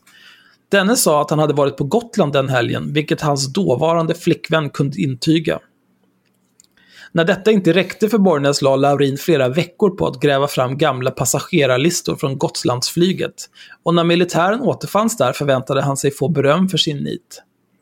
Som han minns det slängde Borgnäs bara en blick på listan och sa “Då är den förfalskad”. Det blev en tankeställare, säger Laurin. ja, mm. Jag jobbar för en galning. ja, ja, du är ett vansinne. du är ett vansinne. Att dessa passagerarlistor, återfunna i ett arkiv i Köpenhamn tio år senare, skulle vara förfalskade var osannolikt. Men det diskuterade vi inte ens. När Borgnäs är övertygad finns det ingenting att prata om. Alltså den militären är uppenbarligen bara någon typ av geni liksom. Snacka mm. om att sopa igen sina spår. Där är det åttadimensionellt schack, ja, alltså. Tänk på allt. Men det är... Jag älskar det. Det är också så här, när man hör, när man fattar så här, du har liksom återfunnit ditt arkiv i Köpenhamn tio år senare. Hur fan vad han har lagt ner energi på att liksom dubbelkolla de här uppgifterna. Hur fan vad han borde haft en klapp liksom på axeln. Bra jobbat. Nej, Nej men den är förfalskad. Ja, mm, absolut. Men det är inte bara... Nej, men, han, men då är man ju en komplett galning om man tror att den är förfalskad. Ja. Det måste finnas gränser. Alltså jag hade flippat ja. om det hade hänt mig. Tänk att lägga ner så mycket arbete och sen bara, ah, nej, det är skit det här. Fy fan. Men det här, är ju all, det här är ju grejen med alla konspirationsteorier och konspirationsteoretiker. Mm. det hänger ju alltid på att liksom det ska vara tiotusentals, ibland hundratusentals människor som allihopa är med på den här hemligheten. Alla hjälps åt att mörklägga någonting. Ja. Och ingen glappar åt något håll. Och ingen kommer på dem med någonting av vad de gör. Det, det faller ju alltid på sin egen orimlighet. Ja, ja, alltså människor kan inte samarbeta. Jag vet inte varför folk tror det. Vi är sämst i Nej. grupp. Att så många tusen som typ inte ens känner varandra liksom ska gå ihop om någonting. Det är aldrig, Nej. aldrig. Det, ja. Mm. Som chemtrails. Ja, Nej, men de håller på att fylla på de där tankarna på varenda eh, flygplats i hela världen. Ja, absolut. Alla som arbetar på flygplatser i hela världen är med i den här konspirationen. du står och Till vilken jävla nytta? någon, någon eh, rasistisk jävla tant på McDonalds liksom. Det smygfilmar du, men inte den här chemtrails-hemligheten du som arbetar på en Nej. flygplats liksom. Det är fan det sjukaste jag hört. Aldrig i livet. Nej, det är så dumt. Ja, men vi fortsätter. Eh, För att Ja. även Jenny Josefsson har ju åsikter om det här. Ovanligt. Alltså jag har... Jag vet inte om jag hade mycket respekt för Janne Josefsson innan, men har ni sett det här Alla mot alla med Filip och Fredrik när han är, när han är med? Han är Nej. i, i lag med Cecilia Frode. Och det är fan det dummaste jävla skitet. Alltså, jag tror inte ens att han hade kunnat stava till sitt eget namn om man bad honom. Alltså. Han är så fruktansvärt jävla rövkorkad att jag vet inte ens vad jag ska säga. Ja, men alltså, ti- titta inte på ett avsnitt med honom för det är bara rå ångest genom hela. När jag Nej, ser det Alla måste vi hoppa över Janne Josefsson och Cecilia Frode avsnitten för att det är liksom... Nej. Ja. Det värsta. Ja, Ja, nu hoppar vi lite grann här i Filters text igen. För nu är det nästa gång Janne Josefsson fick nog gällde det i Lars Borgnäs mest kända program om Estonia. Vi kunde inte visa något som helst samband mellan militärtransporten och att båten sjönk.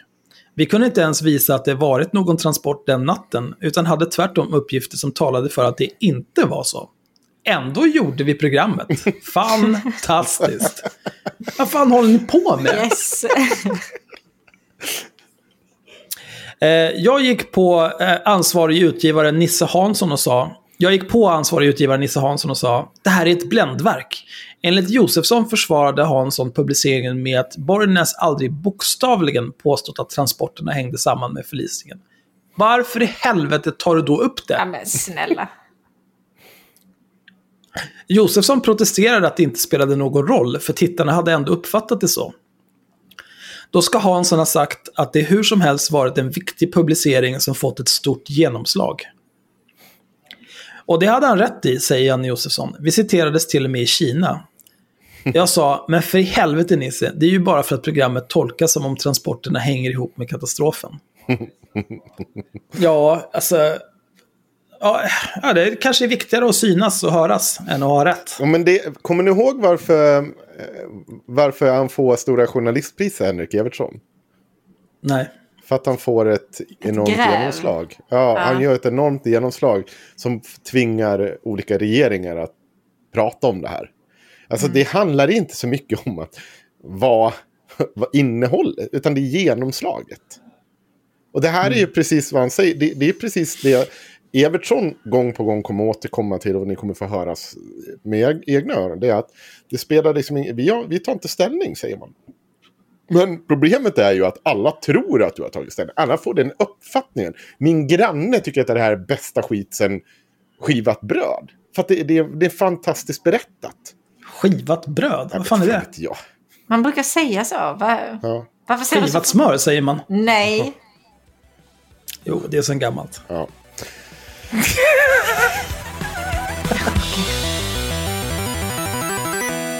Nu är vi framme till delen om Evertsson då. Eh, Axel, varsågod. Mm. Henrik Evertsson, som gjort den nya dokumentärserien Estonia, fyndet som ändrar allt, tog hur som helst intryck. Han var 17 år då och redan något av en Estonia-nörd som samlat på sig pärmar med tidningsurklipp om olyckan. Där kan jag res respektera. Vilken kille. Henrik har också samma nu. Ja, det är konstigt, konstigt, fri, konstigt särintresse för en 17-åring kan jag känna ändå, men okej. Några år senare flyttade han till Oslo där han så småningom kom in på Journalisthögskolan. Parallellt med utbildningen följde han medlemmar i högerextrema NMR och samma år som han tog sin examen, 2017, blev han färdig med den uppmärksammade dokumentären Raskrigarna. Mm. Jag, kan Genom lägga, den... nej, jag kan lägga till här. Vet ni varför han flyttade till eh, Oslo? Eller till Norge? Jag vet inte. Han säger så här. Till Nyheter Idag. Han kommer från Östersund men har studerat och jobbat i Norge under de senaste tio åren. Nu ser det ut som att han kommer bo kvar här ett tag till och han säger att det finns vissa fördelar med att jobba som journalist i Norge snarare än i Sverige. Det finns en del ämnen som är väldigt viktiga och svårjobbade i Sverige. Om man ska kalla det politisk korrekthet eller om det bara är att man är sensitiv eller lite försiktig. Eh, vad är det det grundar sig i? Eh, vad det grundar sig i är svårt att säga. Jag tycker att det fria ordet är lite mer fritt här. Man, kan inte, man är inte rädd för debatten, säger Evertsson. Åh, åsiktskorridoren. Ja. Han är för Vi måste kantig få för prata Sverige. om muslimerna. Ja.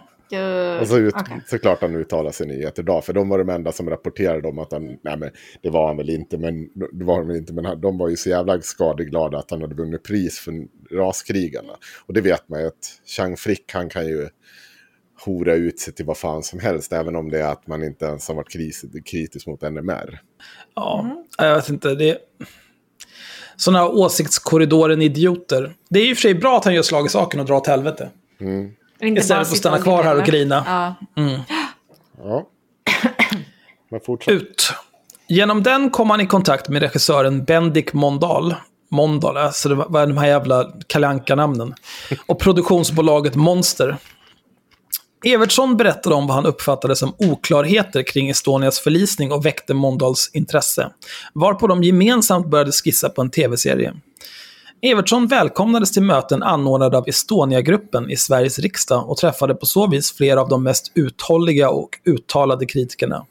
Lars Ångström, miljöpartisten, representanter från anhöriggruppen SEA och Lars Borgnäs. Evertsson och Mondal började intervjua överlevare och anhöriga och tidigt 2019 nappade tv-bolaget Discovery på projektet. Därmed fick Monster resurser till att även utföra den vrakinspektion med en undervattensrobot som gav filmarna vad som sedermera blev deras trumfkort. Fyndet som ändrar allt. Vad, vad fan hände med den här gravfriden? Det känns som att det är folk där och dyker var och varannan minut. ja, men verkligen. Alltså, ingen respekterar. Ja, vi får ju, får ju placera ut laserhajar eller någonting och hålla alla de här jävla journalisterna borta. Det är ju sinnessjukt. Eh, dokumentärserien i fem delar börjar med att Lars Borgnäs säger Estonia är inte vilken olycka som helst. Det är en oerhört genomgripande och allvarlig olycka med väldigt många offer och många, många berörda. Några historiska nyhetsklipp redovisar vidden av katastrofen samt påståendet att Estonia kantrade och sjönk på bara några få minuter. Borgnäs igen. Tanken att vi ska kunna glömma Estonia-olyckan utan att vara säkra på vad som hände, den är fullständigt absurd. Ja. Och sen går ju Filter vidare med att redovisa varje avsnitt för sig. Eh, än en gång det snygga greppet med att man tar till förklara stämningen i, äh, i hela avsnittet. Liksom hur det lutar, åt vilket håll det lutar och, och så vidare. Och det man säger är väl egentligen att teori på teori staplas på varandra av överlevare, journalister och så vidare. Alla på samma tema, det har skett en mörkläggning, all fakta finns på bordet och liksom samma konspirationsteorier som, vi, som avfärdats återkommer gång på gång. Eh, som om det vore någon typ av nyhet. Och jag kommer ihåg There's never been a faster or easier way to start your weight loss journey than with PlushCare. PlushCare accepts most insurance plans and gives you online access to board-certified physicians who can prescribe FDA-approved weight loss medications like Wigovi and Zepbound for those who qualify. Take charge of your health and speak with a board-certified physician about a weight loss plan that's right for you. Get started today at plushcare.com slash weight loss. That's plushcare.com slash weight loss. plushcare.com slash weight loss. Hey, it's Paige DeSorbo from Giggly Squad. High quality fashion without the price tag. Say hello to Quince. I'm snagging high-end essentials like cozy cashmere sweaters, sleek leather jackets, fine jewelry, and so much more. With Quince being 50 to 80% less than similar brands. And they partner with factories that prioritize safe, ethical, and responsible manufacturing. I love that. Luxury quality within reach. Go to quince.com slash style to get free shipping and 365 day returns on your next order. Quince.com slash style. Att, för jag såg, när jag såg avsnitt tre, tre eller fyra, tror jag det var. Då reagerade jag på just det här. Jag började tänka på Henning Witte. Jag visste att han var inblandad i det här på något sätt. Och just de här grejerna att det är någon som börjar prata om att han ser någonting i vattnet. Som kommer och åker förbi. Ja. Jag bara känner, vad fan är det här? Där gick alla mina varningsklockor. Jag bara, bim, Ja. bim, bim, nej, nej, nej. Så det, det, det är liksom så här, man får ju, det går inte att få något annat intryck än att det här är liksom, ni pratar om en mörkläggning. Och det har hänt Ja. någonting. Och vi får inte veta vad. Och det, det, de ger oss ju inte det heller i dokumentären. De Så, men ja. likställer också... Alltså, på, på något sätt så blir det i dokumentären som att de likställer det överlevare säger. att Nej men det hade inte varit eh, fysiskt möjligt för båten att sjunka så snabbt om det inte var ett hål någonstans. Här, säger typ en överlevare. Mm. Och man bara, men varför är du en expert i det här? Och varför ställs Ja. ditt ord emot sen någon som faktiskt har arbetat med båtar och liksom byggt den här båten och säger någonting annat. Liksom. Varför, varför väger era två åsikter lika tungt i, i dokumentären? Det är märkligt. Det är ju å andra sidan ett klassiskt grepp från SVT. Ja men absolut. Men Om man tittar på de här... eh, Jag har ju tagit upp förut när det är liksom någon jävla vaccinationsmotståndarmorsa som hänvisar till något fall om i Tyskland där en femåring dog som ska... Och sen förväntar de sig att en eh, epidemiolog ska svara på det och, och förklara. Vad hände Ja. egentligen med den här femåringen? Bara, bara, Exakt bara, detta fan fallet. bryr sig? Ja. Fuck den här femåringen. gud. Nej, vi kan inte gå in på vaccin. Ja, nej, jag kan inte. Nej, då mycket. kommer jag... Då Vi kan, går vi jag kan bara ta ut i det i skogen. avsnitt 97 sen. Åh, gud. Åh, vaccin. Ja, nej, fortsätt Axel, det finns lite Det läsning. här kommer bli en jättetrevlig kväll. Gud vad glad jag är. Eh. Istället återkommer Jutta Rabe. Med hänvisning till Majervarvets utredare säger hon att det måste ha funnits ett hål under vattenlinjen och att den sannolika orsaken var sprängladdningar. Eh, Majervarvet, Majer var de som byggde Estonia. Ja. Eh, och det här med att eh, den sannolika orsaken var sprängladdningar, det har vi ju redan pratat om. Och så är det ju inte. Nej, och det vet ju hon mycket väl om. Det vet hon mycket svar. väl om. Ja. Men hon är en galning. Sedan tar hon upp det vittnesmål från maskinrummet där en besättningsman på en monitor sett vatten strömma in bredvid rampen. Rabes slutsats, rampen var aldrig helt öppen. Att både JAIC och forskargruppen tajmat observationen till tiden innan visiret föll bort nämns inte, liksom det faktum att ett annat maskinrumsvittne senare såg vattenkaskader och till och med vågor på bildäck. Det där, det där minns jag också. Att det lät så jävla spektakulärt att de, typ några av de sista som hoppar av ser att men då är inte alls borta. Utan det måste vara någonting annat, det måste vara ett hål. Det är det de hela tiden försöker leda det till. att Bogvisir är inte borta, det kommer via ett annat hål. Och sen fyller de på med att alla de här spektakulära teorierna om sprängningar, krock med ubåtar och allting. Ja, vad fan ligger bogvisiret 1,6 kilometer bort för om det inte är av? Det är ju så jävla dumt. Vi kommer, vi kommer. Det är någon annan som påtalar det också. Vi kommer dit också. Alltså, orkar inte med det här. Sista avsnittet i hålet då, Axel. Får läsa.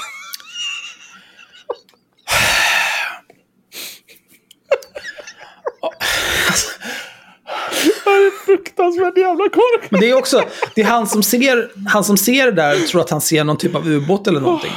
Han, det han ser, jag gissar bara nu, men han ser olika vita saker. Jag vet inte, vitt som Estonia var vit, som far omkring under vattnet. Och så tänker han så här, ja, kan det här vara en ubåt? Jo, men så hade jag också gjort om jag ville göra liksom en undervattensfarkost som ska undgå detekteras.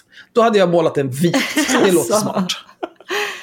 Ah, Inte svart som absorberar ljus, utan vit. Så att den verkligen syns ordentligt.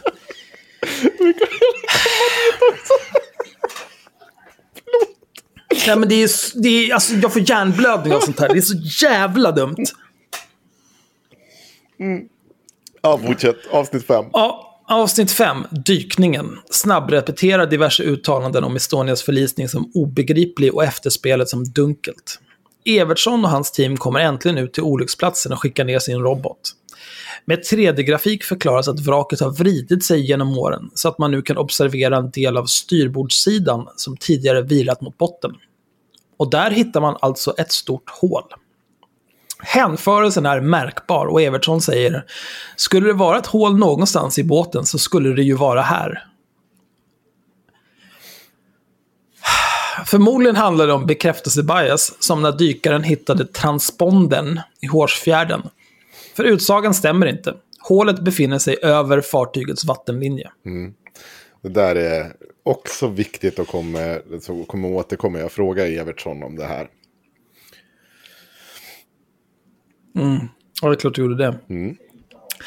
Vem som helst kan tolka uppgifterna enligt sin egen tro och på så vis väcker de många misstankar.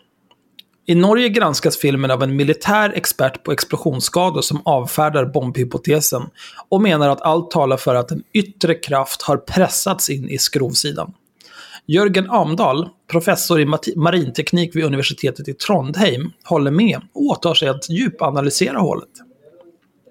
Han, han skapar en avancerad 3D-simulering och räknar ut vilka krafter som krävs för att kollisionsskadan kunnat uppstå.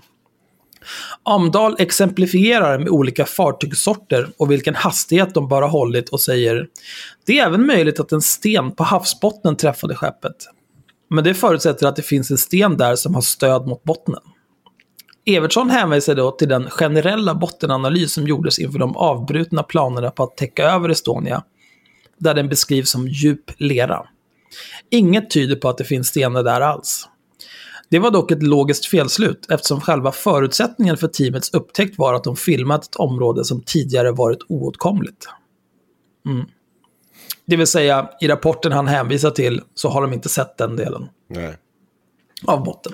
Men tanken att det varit lika viktigt att dokumentera botten invid hålet tycks inte ha slagit dem. Istället spelar Evertsson upp Reintams vittnesmål som något mystiskt om något mystiskt i vattnet.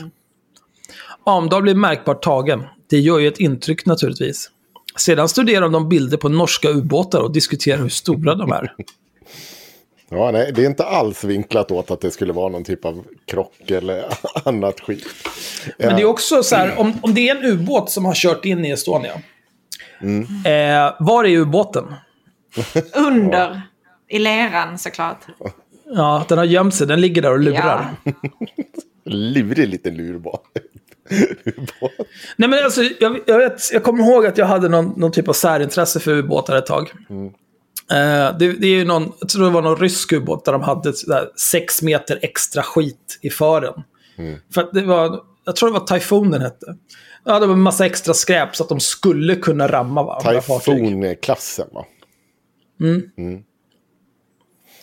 Eh, men, men det är ju samtidigt så här, och jag tror att det var löstagbart också, fall de fastnade, så kunde de koppla av det där och dra.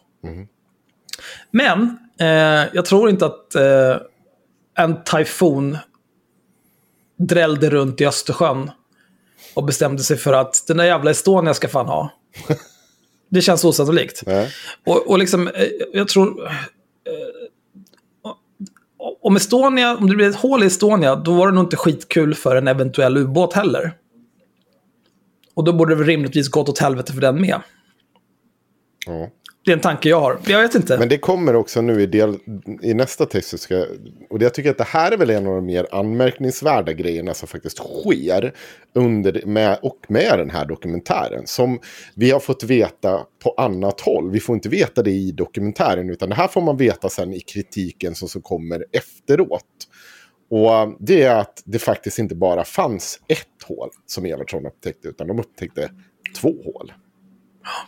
oh, men det var ju bara ett hål som var ett bra hål. Ja, precis. Oj, Det andra var ju... okej. Ja. Så hatar när det händer. Man Ja. hittar ett bra hål och ett dåligt. Mm.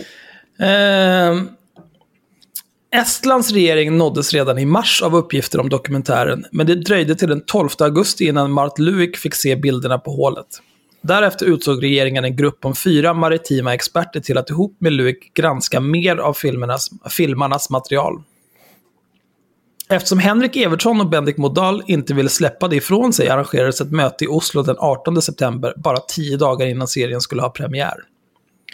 Utöver scenerna från vraket som visas i dokumentärerna fick esterna bland annat se 3D-modellen av hålet och intervjun med professor Amdal.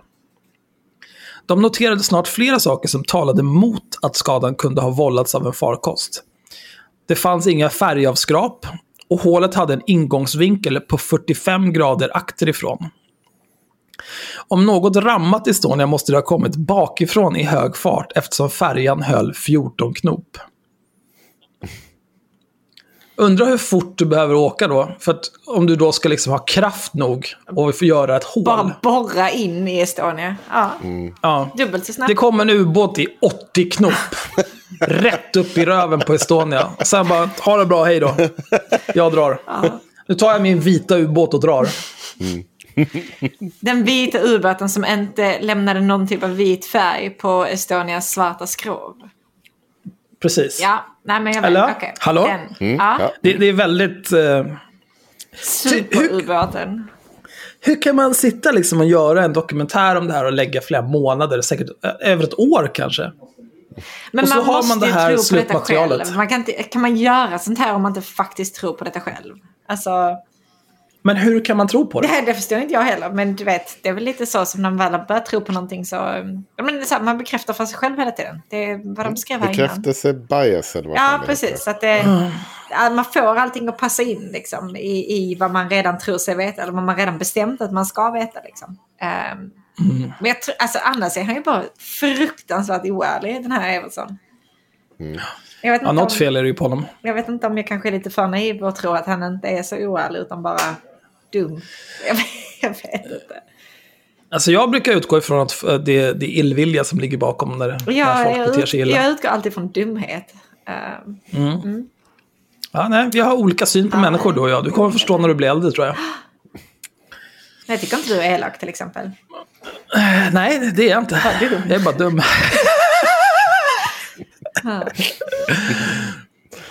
Vi var väldigt skeptiska mot kollisionsteorin, säger navigationsexperten Tauri Rosipu. Vi sa att skadorna sannolikt uppstod när far fartyget slog emot botten.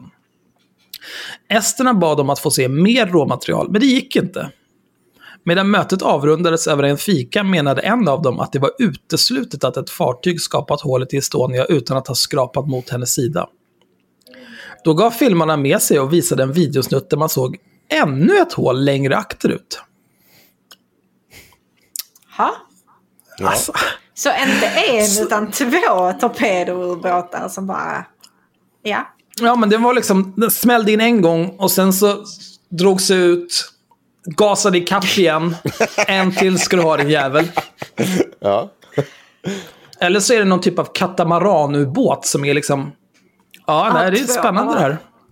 Jag, jag är säker på att det finns eh, gott om fanfiction i Henrik Evertssons dator om den här jävla vita katamaranubåten som jagar kryssningsfartyg i Östersjön. Jävla dåre. Sannolikt hoppades de att om vi fick se fler skador så skulle vi tro mer på kollisionsteorin, säger kollisionsexperten Christian Tabri. Det är också så här... Du, du har tillgång till kollisionsexperter. Mm, då är det väl bättre att bara så här, visa vad du har. Och så här, vad kan det här vara? Kan det här vara orsakat av en kollision? Och i så fall med vad? Och hur kan det ha gått till? Istället för bara, det det här det måste vara någonting som har hänt här. Ja. Jag har jobbat inom området i 20 år och det är praktiskt taget uteslutet att ett fartyg har vållat den andra skadan. På den filmsnutten såg man också att botten inte var mjuk som de hävdade, utan ganska hård med skarpa ojämnheter. Jag vet inte om de insåg det vid tillfället, att extra materialet uteslöt deras scenario. Jag tror inte att de såg det. Eh, jag Nej. tror jag inte. Jag tror, att det var, jag tror att det var i panik de gjorde det här. För att de, de ville få liksom godkännande av de här experterna. För att Ja. ge mer cred till sin dokumentär. Bara det att man inte låter regeringars utsända se originalmaterial. Det är ju helt bisarrt. Det borde väl inte vara något konstigt. Vem är det som mörkar i det här fallet? Ja, men, Precis. men, men det blir ju så. Vad har du Ja. att dölja? Det här Ja. tyder ju på ondska, inte dumhet. Ja. Nej, jag Det här vet, är ju jag ett- ett medvetet val. dumma, Axel. Jo, men man kan vara både dum och. Man kan det. Man kan det.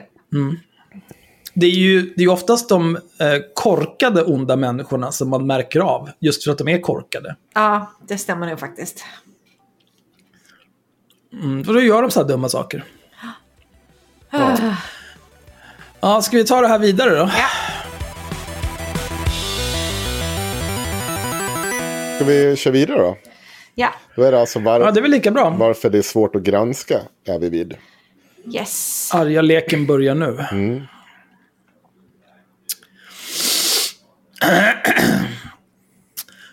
Att granska och verifiera uppgifter kan ta lång tid.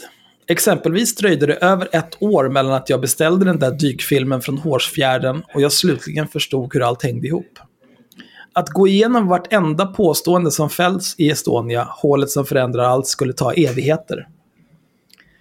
Samtidigt krävs ingen djupare analys för att se att dokumentär- dokumentärserien är, för att låna Janne Josefssons uttryck, ett bländverk. Det återkommande budskapet i alla fem avsnitten är att den officiella olycksorsaken inte stämmer. Samtidigt presenterar filmerna inte ett enda verifierbart belägg som vederlägger JAICs slutsats, haverikommissionen alltså. Det hoppar de bara över för att istället stapla ostyrkta indicier som pekar åt andra håll till en retoriskt övertygande massa. Samtidigt utesluter flera av påståendena i serien varandra. Färjan kan exempelvis inte både ha blivit sprängd och påkörd av en ubåt. Jo. Jo.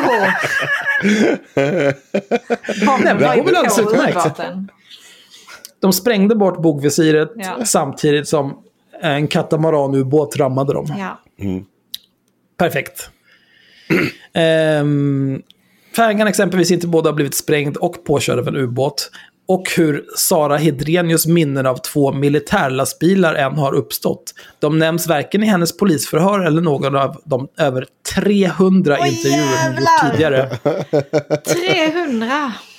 Jag ska, Ja. jag ska snabbt ge en liten bakgrund till det. Det är alltså ett av Ja, men det är inte klart här. Ja, men jag...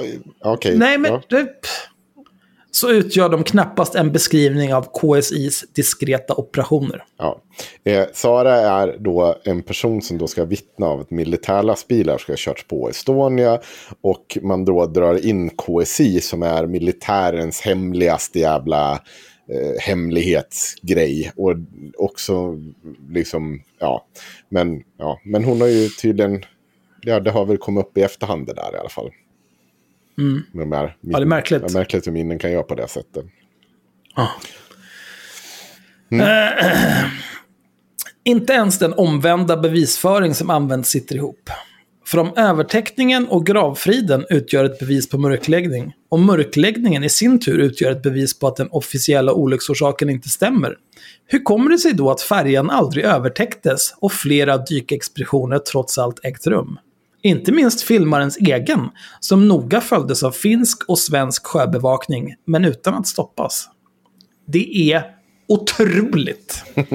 Alltså, men det är också himla märkligt för att i dokumentären lägger de verkligen upp att då när hon, Rabe och eh, den här andra mannen, Bemis, heter han Bemis, eh, gjorde sin, då, då blev de ju liksom så här ombordstigna av, av både svensk kustbevakning och finsk kustbevakning vill jag säga, det kan vara den estländska också. Men och säger att de stod där och blev hotade liksom mitt framför sitt filmteam och så vidare.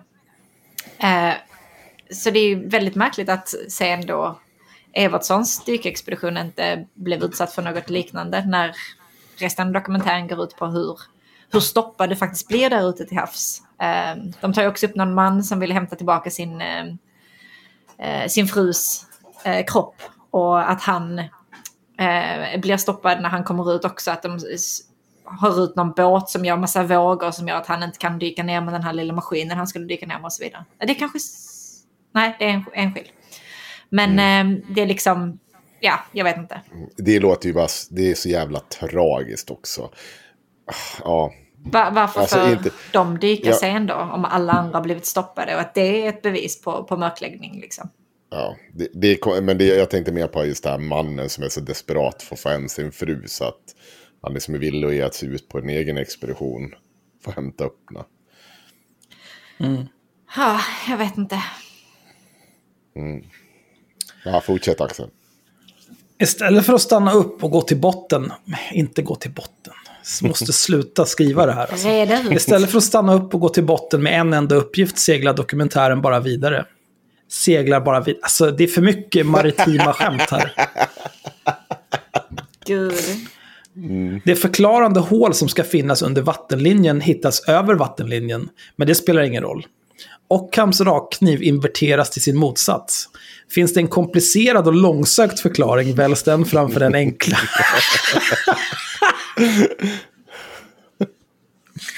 ja.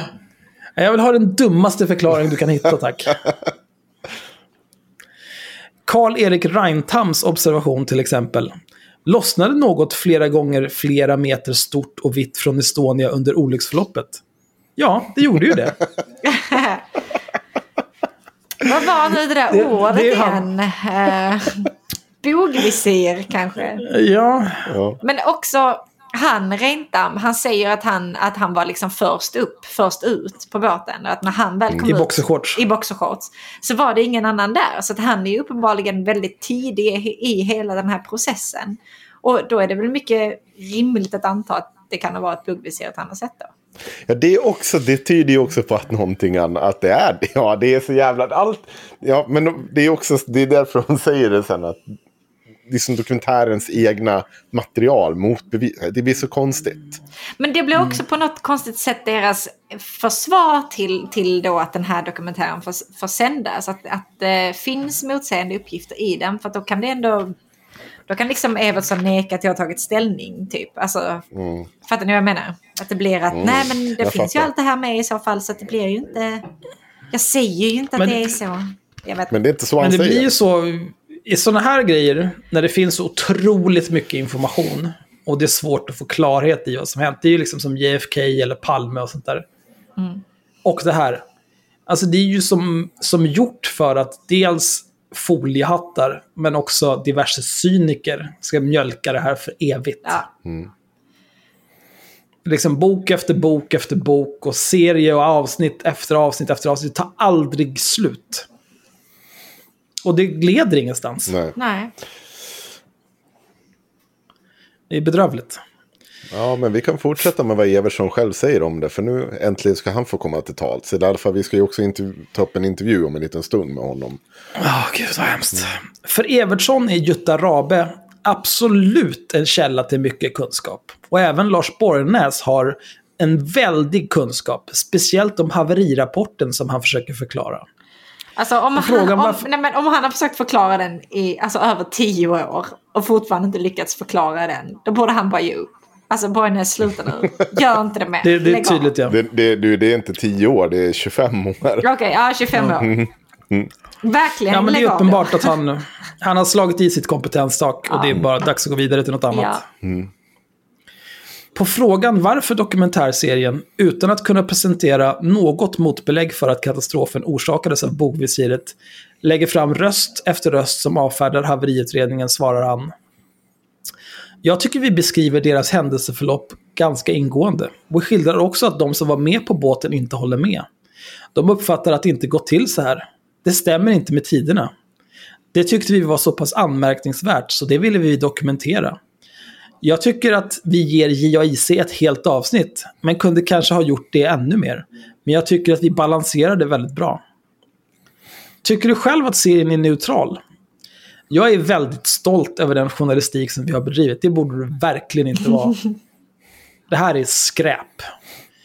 Vi försöker belysa allt. Man måste göra ett journalistiskt urval, vilket man kan ha synpunkter på. Men vi tycker absolut att urvalet vi gjort är rimligt och vi är väldigt stolta över det. Good fucking job. Okej, om, om urvalet skulle vara rimligt, om vi antar det. Då är ju i alla fall inte upplägget rimligt. Du kan inte lägga upp det så och sen vill jag hävda att det du har gjort är neutralt. Du kan inte ha privatpersoner som går och säger emot experter och du vinklar det som att privatpersonerna får slutklämmen och alltså det går inte. Det Men det, jag, tycker, jag tycker vi kommer sammanfatta, det sammanfattar Filter så jävla bra själva i, Ja. i liksom deras slutsats. Axel, du kan få läsa den nu, för det är ingen idé att Ja, får jag det? Tack, vad snällt. Ja. Vad bussigt. Likt föregångaren Lars Borgnäs presenterar inte Henrik Evertsson något alternativt scenario för hur förlisningen ska ha gått till. Förmodligen är inställningen klok. För att de olika trådar som presenteras i serien ska sitta ihop bör nämligen ungefär det följande ha hänt. Någon, sannolikt svenskar men eventuellt någon annan, har kommit över rysk försvarsmateriel som ska fraktas med Estonia. Detta får ryssarna veta, därtill så långt i förväg att de hinner planera en motoperation. Att stoppa transporten bedöms som så viktigt att nästan tusen människoliv anses irrelevanta. Istället för att stoppa bilen, eller om det nu var två lastbilar, på land sänker man fartyget på Östersjön med sprängmedel eller en ubåt. Detta är så pikant för Sverige att en enorm mörkläggningsoperation dras igång, som först inbegriper Finlands och Estlands regeringar, sedan medlemmarna i den multinationella haverikommissionen och slutligen även fartygsexperter från Nederländerna och Skottland. Ja. Det är så jävla snyggt. det, det är otroligt jävla snyggt sammanfattat. Det hade varit perfekt om de skrev katamaran-ubåt istället för ubåt. Det hade... Det är 99 procent. och det här som vi har läst upp i den här eh, filterartikeln är ju som sagt en bråkdel. Ja. Det, Det finns mycket, mycket, mycket, mycket mer att läsa Det är- på filter. 32 sidor, vad har vi kanske här tagit totalt ur den där? Fem? Det är sju sidor kanske. Ja, det är mycket kvar och det är inte bara den slutsatsen. De intervjuar faktiskt också en gammal KSI-veteran som de inte ens får nämna namnet på. Eh, och som säger att det här är ju bara trams. Vad håller de på med? Rappakalja. Ja. Ehm, Alltså Eh, jag jag tycker kan också- också, faktiskt att Ryssland hade nog kunnat skita i tusen människors liv. För att dölja lite. Eller för att Ja. ta tillbaka sina... Det känner jag. Det går inte av Jo, Ryssland. men det- det- men de, det- han pratar ju om det. Ja. Eh, när han pratar med den här KSI. Alltså det här var ju strax efter att Sovjetunionen bara imploderade. Ja, Eller strax efter. ja. Några år. Så att de, var ju, de var ju fullt upptagna med att och liksom dra sig tillbaka. Eh, var har vi alla våra grejer? Var står alla våra jävla atombomber någonstans? Ska de stå kvar där? liksom, de hade andra saker att tänka på än att det eventuellt fanns en lastbil eller två lastbilar eller en bil med lite så elektronik. Vem fan bryr sig? P- Piotr, Fan, vårt- vårt vad i helvete säger rasar. du? Vad säger du? Har du tappat bort tre atombomber? Vadå tappa bort? ja. ja.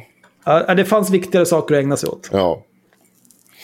Jag vill också rekommendera eh, eh, en debattartikel som vi kommer ta med i eh, våra länksamling. Tv-serien om Estonia devalverar Stora Journalistpriset. Där en anhörig, men också han är ska säga, chefredaktör på Populär Arkeologi och trött Estonia-anhörig.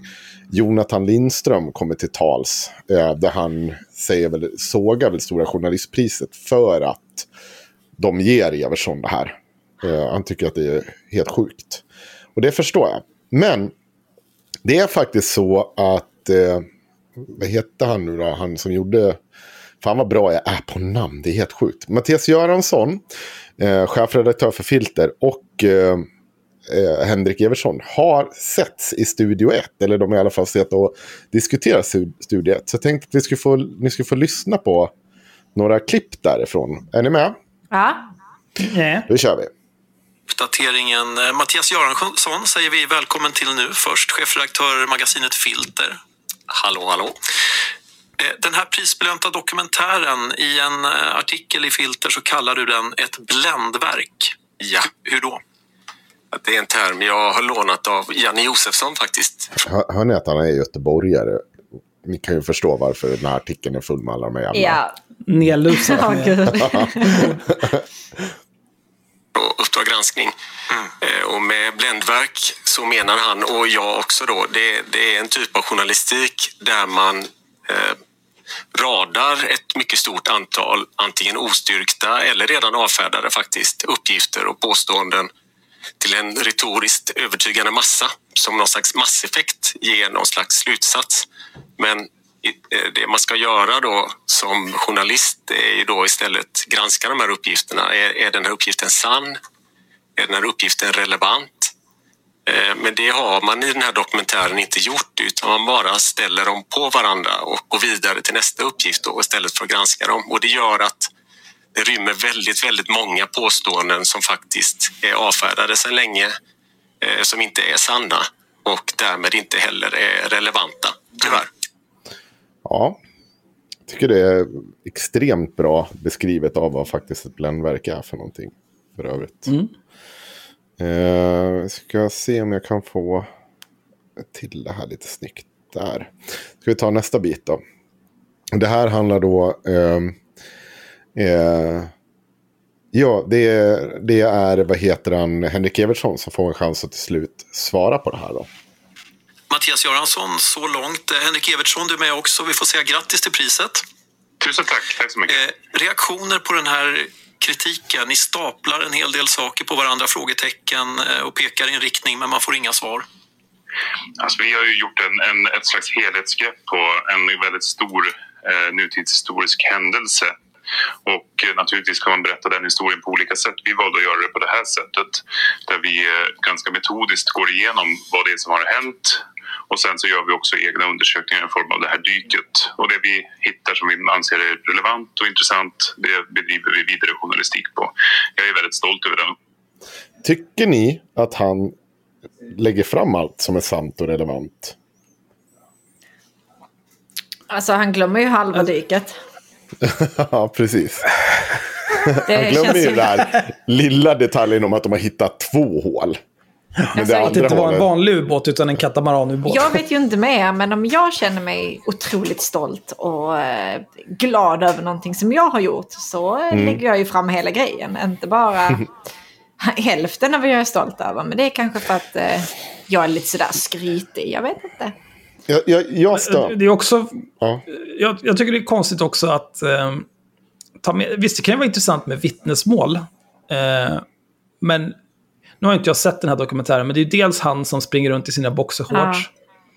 Och sen hon som har gett 8 miljoner intervjuer tidigare och som helt plötsligt kommer ihåg att hon har sett två lastbilar. Ja. Eh, det skulle vara intressant att ta med kanske om det fanns fler som hade sett samma sak. Så att det inte bara är så här, ja ah, just det, jag kom just på det där om den här grejen som hände för 26 år sedan. Eh, det var så här också. Ja, okej. Ja, men Ska vi ha det med kan ju det då? Vara, det kan ju För- vara relevant bara för att bygga stämning. Liksom, för att så här, förstå hur, hur hemskt detta faktiskt var för de inblandade. Liksom.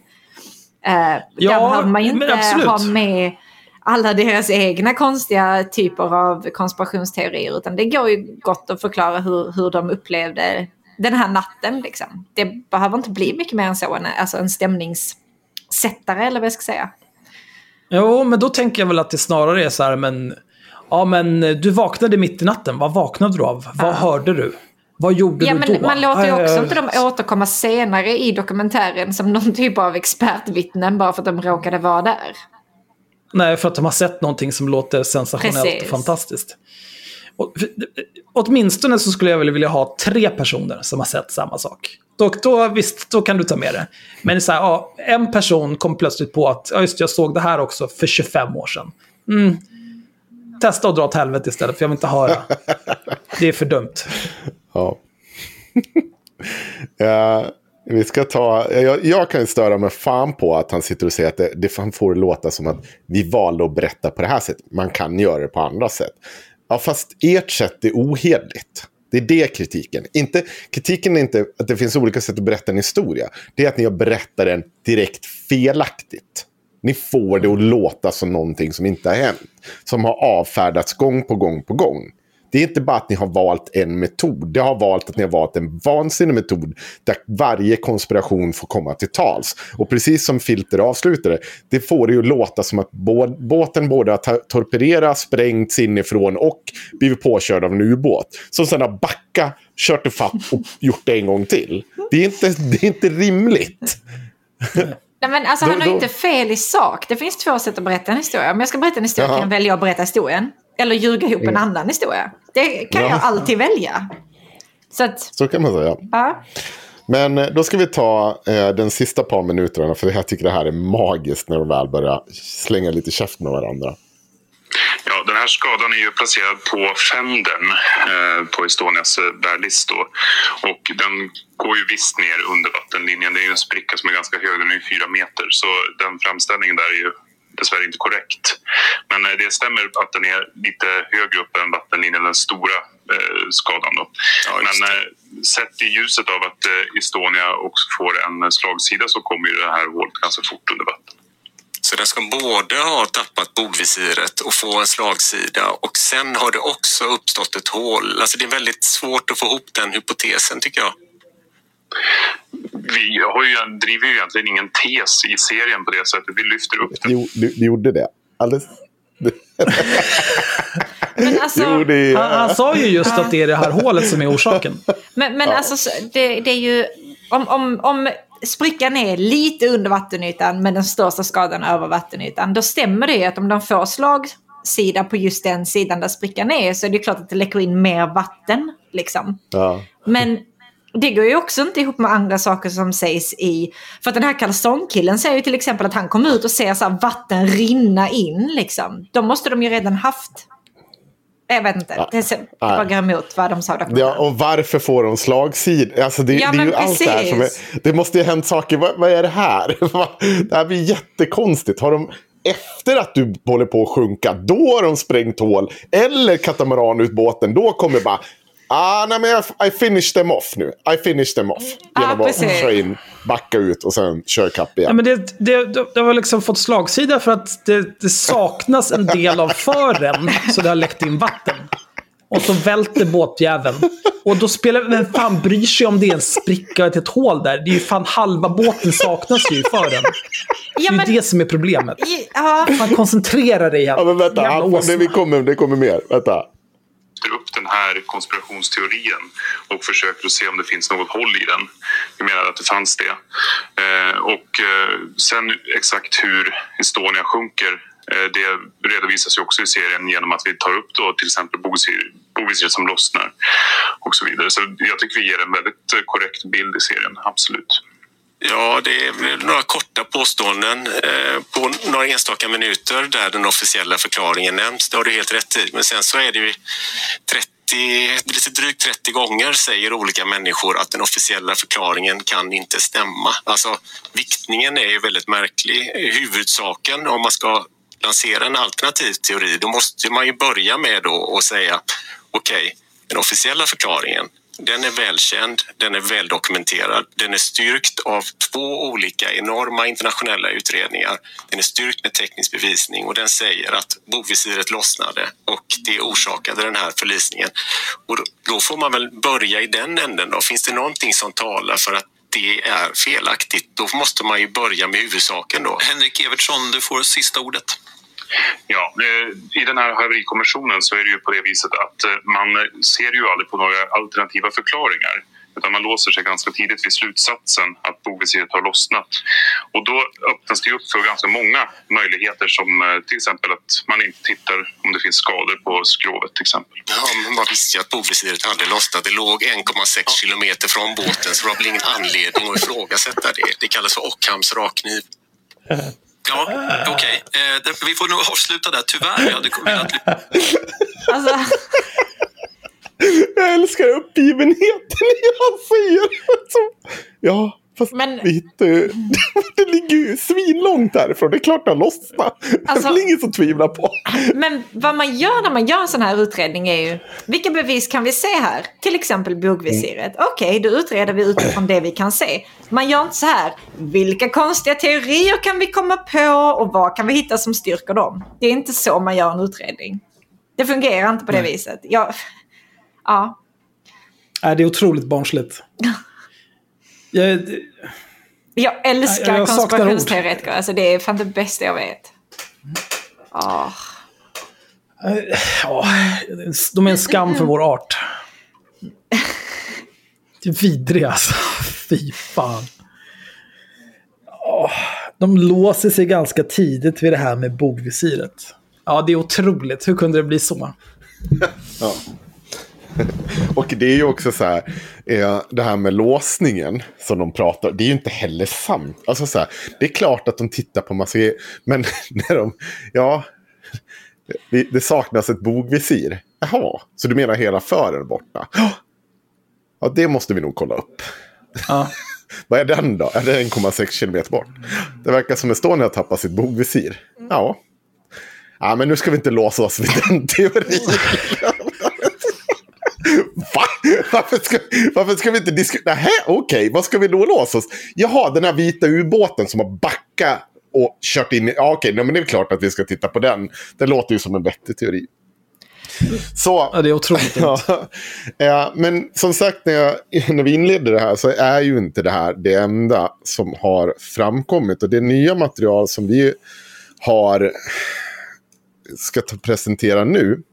Det är ju så att Henrik Evertsson har ju varit ute och gjort en hel del konstiga gilla-markeringar. Eh, och jag vet att eh, jag kan komma ihåg att det har diskuterats den här gilla-journalistiken som bedrevs.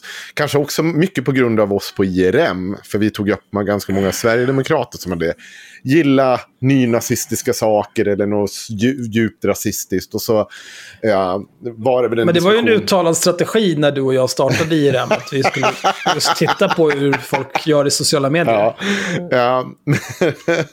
jag kan säga så här i alla fall. Att eh, det var ju sällan till ingen gång vi behövde. Jag vet att jag ringde upp till någon sverigedemokrat som envist ha, ha, sa att jag har gilla-markerat. Eh, det här var inte NMR utan det här andra som Svenskarnas parti. Ja.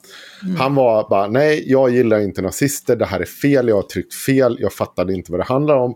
Och så då gick jag ut med en ändring, kommer jag ihåg, på IRMs eh, sida. Sen eh, ett halvår senare så hade han fortsatt gilla massa nazigrejer. Så var det bara, mm, ja, hur var det nu egentligen? Visste du inte vad det här var? För jag tyckte att vi hade den här konversationen för ett tag sedan och jag bad om ursäkt om det till och med.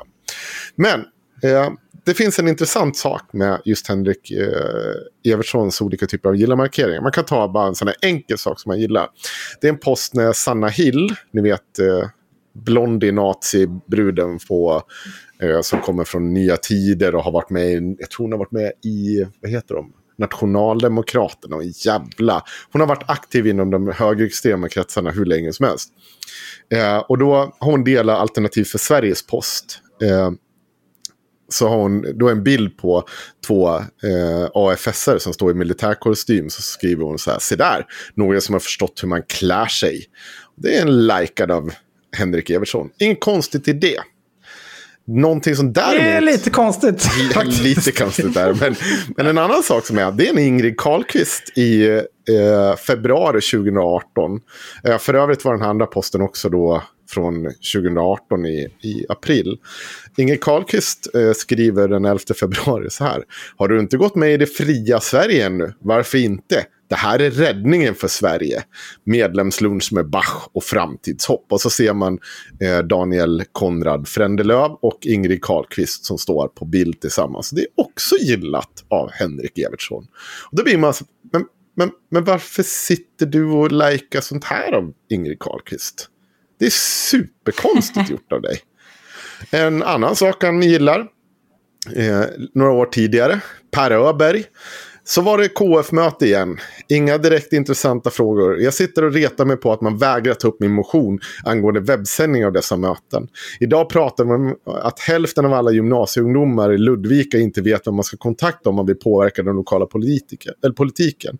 Jag fick aldrig höra facit, men jag undrar ju själv vem man ska kontakta om man vill påverka politiken. Församlingen som sitter här struntar i eh, struntar struntar ju till och med vad 2300 medborgare i kommunen tycker om folkomröstningsfrågan om byskolenedläggningen. Hur ska du få en enskild ungdom eh, kunna göra sig hörd? Och då är det Per Öberg. Det är ju inget konstigt, han säger ju inget direkt uppseendeväckande i sak, men det är fortfarande NMR som sitter och är politiker.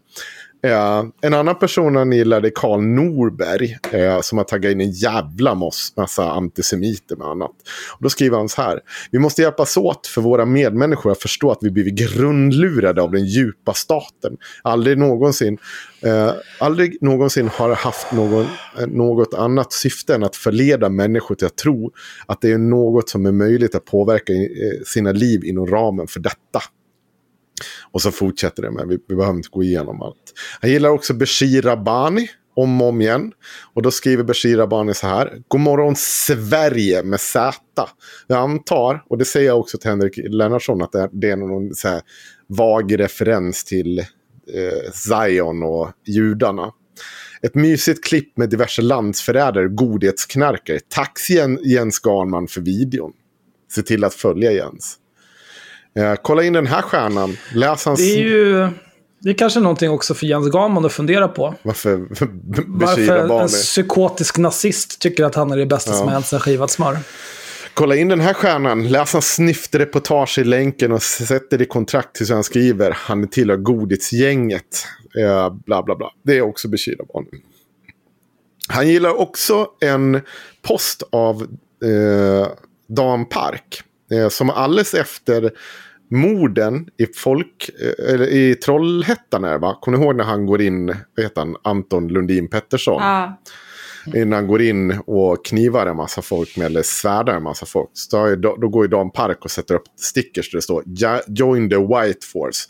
Och med en bild på, på Anton Lundin när han går runt i den här värderingen. Det är sån grej som helt plötsligt gillas av Henrik Evertsson.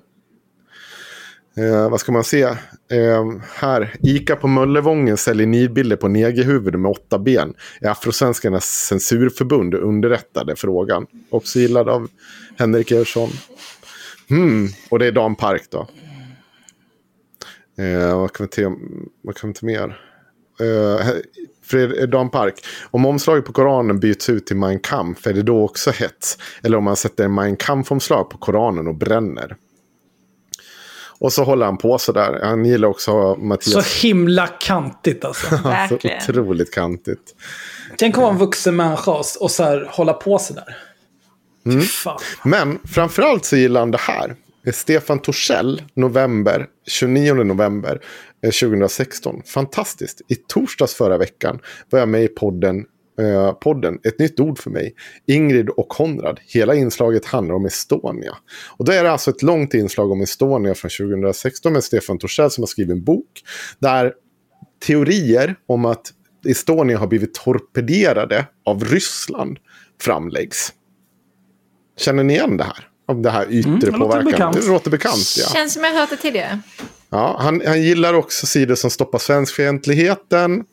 Eh, MS Estonia av Stefan Torssell. Då den här konspirationsgrejen då. Mm. Eh, han är också med i en hel del speciella grupper. Och då kan man ju tycka att, så här, men vad fan. Kan det här ha någonting med hans research till exempel av NMR att göra? Det skulle man ju kunna tro. Så jag tänkte att jag, jag ringde helt enkelt upp Henrik Evertsson. Jag lyckades faktiskt få tag på honom och frågade honom varför han återkommer. Och det, det, här var poängen också för mig och det ställer jag även frågan om. Jag tycker det är konstigt. I sak, om, om, om det som du sysslar med att bevaka extremhögern. Då kanske du följer dem med ett fejkkonto eller ditt eget konto. Du kanske trycker på följ på olika saker. Men du går inte in och gillar så här. Har du gått med i det fria Sverige nu? Varför inte? Det här är räddningen för Sverige. finns ingen som helst poäng. Det, det är möjligtvis om du ställer, försöker ställa in dem. Men in, det här är 2018. Han håller inte på med någon jävla dokumentär om NMR. Här håller han på med Estonia. Har ju han påbörjat. Ja. Det är så jävla konstigt. Varför, kommer, varför gör han det här där och då? Så att jag ringde upp honom. Så vi får väl lyssna på resultatet. Var lite nyfiken. Ja, ni, har, ni, har inte, ni har inte hört det här va? Nej. Nej. Nej. Bra. Ja, hallå, vem har jag kommit till? Hej, du har kommit till Henrik Johansson.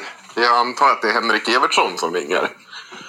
Ja, precis. Det här numret hade köpt på mig här. Så att... Ja, precis. Det, jag, skrev, jag skrev faktiskt ett mail till dig också. Eh, jag jobbar med en podcast som heter Haverister. Jag vet inte om du har hört talas om den? Ja, men har inte vi... Jag jobbar ju på DT. Ja, jag vet, tror vi har träffats någon gång. Jaha. Mm. Har du jobbat på DT? Ja, och jag har ju varit mycket i Falun och sådär. Och så tror träffade några gemensamma vänner. Ja, ja, det är en Ja. lång... Det var ingenting som verkar ha gått till på någon av oss. Nej, nej, nej. Det, det, jag har, grejen är så här. Jag, jag jobbar ju med en podcast som heter Haveristerna idag. Och eh, jag håller på med faktiskt ett avsnitt. Dels om den här Estonia-dokumentären du har gjort.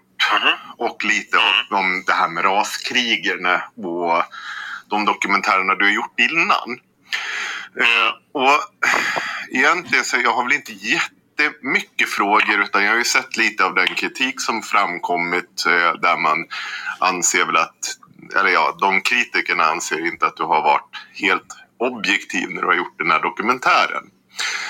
Eh, men jag är nyfiken på en liten annan del från den kritiken och bakgrunden och det är att när jag har tittat på graph search av eh, dig och dina olika former av likes så är återkommande att du likar till exempel sådana här saker som när Carl Be- Norberg säger att eh, vi måste förstå eh, nu ska vi se, vi måste hjälpas åt att få våra medmänniskor att förstå att vi blivit grundlurade av den djupa staten och så vidare. Eh, likes på när Beshira Bani eh, Eh, skriver God morgon Sverige med Z. Jag kan väl bara gissa att det är någon typ av referens till Sion på något sätt. Men där han pratar om olika typer av landsförrädare och olika nazister som uttalar sig som du har likat. Och jag undrar ju såklart lite varför du har gjort det. Nu känner jag inte till riktigt alla de där exemplen du, du eh, refererade till där. Jag Mm, mm, inte ihåg. Alltså, det är ju par, de har ju ett par år på nacken. Eh, de är ju från... kan tillägga här att jag varit lite överrumplad att han ringde upp. Jag hade försökt nått han under veckan. Så jag fick liksom stressa in och våga liksom inte sätta mig ner. Och, utan jag fick ta det lite på en höft upp med datorjäveln och få upp alla de här grejerna. Därför det är lite hackigt när jag ska försöka läsa upp alla de här exemplen. För att jag får göra liksom allt på en jävla volley. Jag är lite orolig över att inte få ta på honom igen. Vad sa du? Men, men också, detta är typ första gången du frågar så, ah, vi, jag gör podcasten Haveristerna, har du hört talas om oss? Och han typ lite grann har det. Annars är det alltså, nej. Men fan, nej. Mickes hade ju hört talas om oss. Ja. Ja, men just det. Ja, men det var ju för att vi har varit långt upp i röven på dem. Är det inte därför? Ja, mums. Det brukar man ta namnet. Men vi... Eller, eller va? Oj då. Ja, nej, det För, rimligt. förresten, vad heter du för någonting? Ska jag, jag, jag, Kan du lämna ett visitkort när du går? ja, jag, jag fortsätter här nu. Ja. Jag fortsätter. ja. mellan 2015 och 2018. Alla de här likesen. En är väl speciellt intresserad av och det är väl den när du tycker det är intressant. Eh, du trycker like på att Stefan Torssell har varit med i podcasten Ingrid och Konrad och då handlar det även om Estonia. Eh, där Stefan Torssell lanserar teorin om att Ryssland då skulle ha stört ut mayday-sändningarna från Estonia. Eh, och påstår att det här skulle typ ha varit någon typ av militär handling mot Estonia. Och, Just det, det kan jag tillägga. Det, teorin är alltså som sådan att eftersom eh, eh, det, han har liksom en idé om att eftersom det fanns militär utrustning på båten så blev hela båten en militärbåt och då får man utföra krigshandlingar mot det. Det är liksom Torssells idé. Och därför skulle man kunna då ha fått sprängt den. Jag tror inte att det funkar så. Inte jag heller. Men, men det är också så här, vadå fått sprängt den? Ja, det är Du får inte lov att spränga militärbåtar hur som helst det, heller. det, det, liksom det, är inte tre en grej. stycken i det, det, Ingrid och Konrads podd. Vad fan hade du för, Vill du argumentera mot det här? Det är Ja, men alltså, det finns väl glasklar absolut... logik. eh, Jag är ju inte eh, en MÖP, men jag menar, det finns ju... Det finns ju en brytpunkt när någonting går från att vara ett civilt mål till att vara ett militärt mål. Men jag vet inte om liksom lite så här... elektronikskräp från forna Sovjetunionen i två lastbilar eller i en bil eller vad fan det nu var. Jag vet inte om det gör att liksom, ett kryssningsfartyg med över tusen civilister på plötsligt såhär, jajamensan, skicka in katamaran ur båten, nu knullar vi sönder dem. Nej, jag känner också Jag tror inte det. jävligt otroligt alltså. Ja, Det här är ju sinnessjukt. men vi, vi, kom igen. Jag vill inte leva när jag hör det här. det blir ju i min värld lite konstigt att det gång på gång de här konspiratoriska grejerna återkommer och du tycker like på dem och sen någonstans återspeglas det även i dokumentären eller i alla fall i kritiken mot din dokumentär. Förstår du hur jag menar? Mm, ja, alltså om man trycker like på någonting så behöver inte det betyda kanske att man sympatiserar med det Nej, va? Liksom, eller, Absolut inte. Jag håller 100% med dig. Men det är ju inte bara en like, utan det är ju återkommande eh, från Dan Park. Bilder när han sitter och eh, när han gör den här typen av Join the White Force av vad heter han, Anton Lundin Pettersson. Eh, vi pratar om Per Sjögren, nej vad heter det, Per Öberg när han berättar och rapporterar om Ludvikas eh, fullmäktige. Än en gång Karl Norberg, Den djupa staten, Bashir Abani. Alltså det är ju det är inte, det är inte, det är, det är långt utanför om vi säger att den bevakningsområdet du har sen återgivet i dina filmer.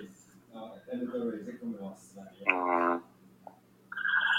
Ja, jag, jag som sagt eh, har inte... Jag, jag kan gå igenom och kolla vad jag har likat genom åren. Om det är liksom... Ja, Men du, alltså det, Det kan ju också vara födelsedagar som jag har... Alltså det blir ju inte så att jo, men, att jag har liksom... men så här. Födelsedagar? Ja. Va? Födelsedagar. Men vadå, vad har födelsedagar med det här att göra? Det kommer du få höra. Men Födelsedag hans hjärna är ju fungerar en, ju inte.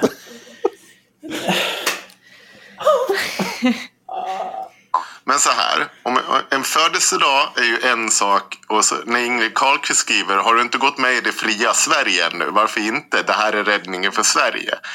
Det är inte riktigt samma sak, eller hur? Det, en, det, det ena är en nazist... Vad sa du? Jag behöver inte sympatisera med det.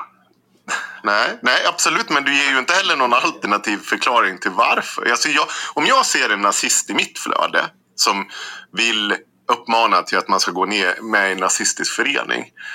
Brukar ju jag generellt inte trycka like på den. Om, eller? Hallå? Generellt, men inte alltid. Nej, alltså du, du kanske inte... Jag vet inte. hur- om, om du vill liksom dra det dit här att jag sympatiserar med nynazister så kan jag ju avkräfta det. Ja, nej, nej jag frå- det är därför jag ställer frågan till det. Och, och du, det enda du säger att du, du, du som svarade till mig det var att jag trycker likes även på födelsedagar. Jag menar nog att det finns en viss skillnad på att trycka like på en födelsedag och trycka like på när någon försöker rekrytera till en ny nazistisk organisation. Ja, om jag har tryckt like på det så är det ju eh, anmärkningsvärt. Ja. Ja, men anmärk då. Säg någonting om det. Alltså. Ja. Ja. Jag vet inte. Men, eh, men om du ser på, jag har väl över 5000 vänner där på Facebook. Jag använder ju Facebook väldigt mycket i, i, eh, i den journalistiska verksamheten då. I både research och sådär. Ja, det gör jag också. Jättemycket. Men, men det betyder ju inte... Det, ja, det, det, ja, det, det förklarar ju inte... Alltså, när jag gör det också så, så sitter jag fortfarande inte och trycker like på alla nazister som jag bevakar eller de rasister, högerextrema eller vad, vad det nu må vara. Det är väl lite det jag undrar varför... Eh, ja, jag kan väl säga så här, en, en ganska rak fråga då. Vi, vi kan väl hoppa till det. Din kritik mot raskrigarna, det var bland annat att... Eh, Kritik det var emot liksom lite menar jag. kritik. Din kritik mot Estonia, eller den kritik som har kommit fram, det har handlat om att du lyfter fram de här alternativa eh, teorierna, vi kan kalla det det. Jag skulle, jag skulle gärna vilja kalla det konspirationsteorier i mångt och mycket. Snarare än att du ly- lyfter fram de faktiskt mer belagda teorierna. Om jag då samtidigt ser när du gör de här typen av likes. Du likar när Stefan Torssell sitter och pratar om liknande konspirationsteorier som sen kommer upp i din dokumentär. Att det skulle ha varit någon typ av sänkning eller kollision. Då blir ju jag, då kommer ju den naturliga frågan. Är det här någonting du tror på? Alltså, förstår du vad jag menar? Ja, ja. Nej, alltså jag har inte gett uttryck för några konspirationsteorier, tycker jag själv. Alltså, vi har ju försökt att lyfta upp eh, att det finns eh, en hel del frågetecken runt förlikningen som borde utredas. Och det är ju också myndigheterna eniga i, som jag har förstått det. Är de, är de verkligen det? Det, det har inte Ja, jag... Ja, men, han bara säger så. Det är så jävla fräckt. Det är inte alls någon enighet om att det behöver. Det, det har man har diskuterat är om det ens behövs utredas än. Och jag tror inte att det kommer komma till den slutsatsen, helt ärligt. Det, vi, vi får väl se om ett par månader, ett halvår, om det verkligen kommer hända något. Jag tror inte det kommer hända ett skit. För det har inte framkommit någonting nytt i den här dokumentären. Och vi kommer nu komma till frågor om det här hålet. För jag vill också veta om lite mer om det. Statens haverikommission och eh, RÅ har ju tagit upp det här. Och, Det har ju också framkommit att ni har hittat fler hål på Estonias sida men ni lyfter bara fram ett hål. Varför är det så? ja, det är en mindre spricka som vi, efter att vi hade gjort en förhandsgranskning, tyckte vi att den inte hade någon relevans på. Kan inte det också visa på att till exempel när Estonia landar på sidan att det är just precis eh, därför att det uppkommer i och med grundstötningen, alltså när det går i, i botten. Är inte det relevant att presentera liksom alla ens fynd? Alltså, framförallt om det kommer om... När, när dokumentären fokuserar så mycket på ett hål, men man berättar inte om det andra hålet. Ja, den sprickan är det väl snarare det är frågan om. Ja. Men det, det hål ni har hittat, det är ju bara, om jag har förstått det rätt, om ens en liten del som ens var under vattenytan på det. Vad hade det för relevans då? Ja, det är ju ett eh, ganska stort hål det här. Som, eh, Men- dessutom så är det ju både intryckt och utböjt. Så att det är ju svårt att förklara i den där skadan rakt av. Var det så svårt att förklara rakt av? Fanns det inte ganska logiska förklaringar till det? Eh, Eller var katamaran... Vi har ju... En, en kollisionsexpert har redan sagt att det, nu är det så här. Det här är trams. De har, de har ju till och med sagt det till er, Henrik Evertsson. Ja. De har ju tagit det här med er. Ni, när ni försökte inte visa upp den andra hålet för dem först. Men sen gjorde ni det. Alltså det är ju Konst. jävligt magstarkt att gå själv och dölja bevis när man anklagar andra för att göra det. Mm. Ja, men vi kör på. Men vi drar ju inga slutsatser kring hur den skadan uppkommit. Och det tycker jag är lite viktigt att framhäva. Men har ni verkligen framhävt det i dokumentären då? Vilket då, menar du? Att det, ni inte drar några slutsatser, inte, man kan dra några slutsatser av det? Ja, det tycker jag framgår väldigt tydligt att vi inte drar några slutsatser. Okej. Eh, mm, ja, jag håller inte med. Men, men än en gång. Du, ni, man får det ju att låta som att det här skulle ha varit under vattenlinjen. Hur mycket av det här hålet var det som faktiskt var under vattenlinjen? Det var fyra meter högt enligt er va? Mm. Hur, hur stor del var under vattenlinjen ungefär? Tror ni? Uppskattar ni? Ja, det är lite svårt att säga som att vi, vi vet ju att hon är lite... eh, hon har ju en, en, eh, en, en viss slagsida när hon lämnar Tallinn. Och sen så är hon ju också ganska fullastad. Exakt på centimetern är det lite svårt att säga. Nej, men, men det måste ju funnits någon teori om ungefär i alla fall. Jag frågar inte efter centimetern. Det, det där tycker jag är ett sånt fult retoriskt knep. Och bara, ja, men jag vet inte på centimeter. Det är fyra meter högt.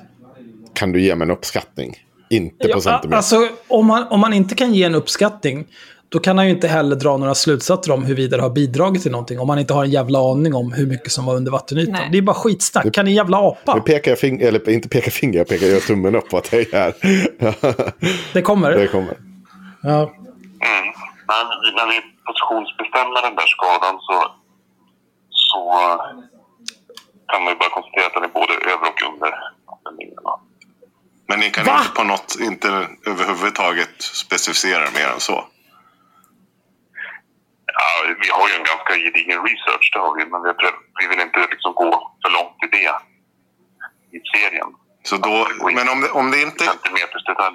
Man kan ju inte säga att någonting är gediget om man inte vill ge sig på några som helst liksom, graderingar av hur faktiskt mycket som var. Då, antingen har man en gedigen research som säger att ja, men ungefär kanske en meter, två meter, tre meter var under vattenytan. Eller så har man inte en gedigen research som kan säga att någonting var under vattenytan.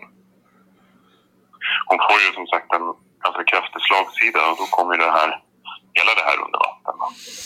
Och då, vad var vi då igen då? När hon fick slagsida. Varför fick hon slagsida för? Ja, ställa sig.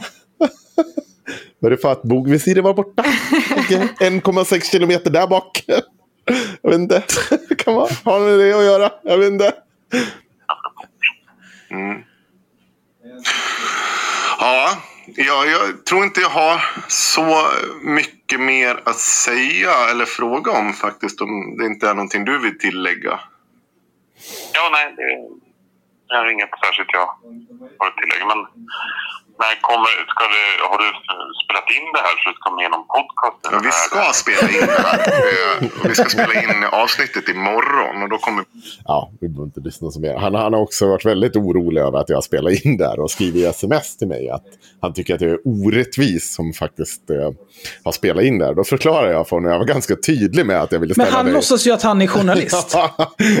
han vet ju mycket väl om att det inte är något problem att spela in. Och jag svarade in. honom att bara, "Men det är väl bra att jag har allt det här inspelat så slipper vi några som helst liksom, misstolkningar. Nej, ingenting överhuvudtaget.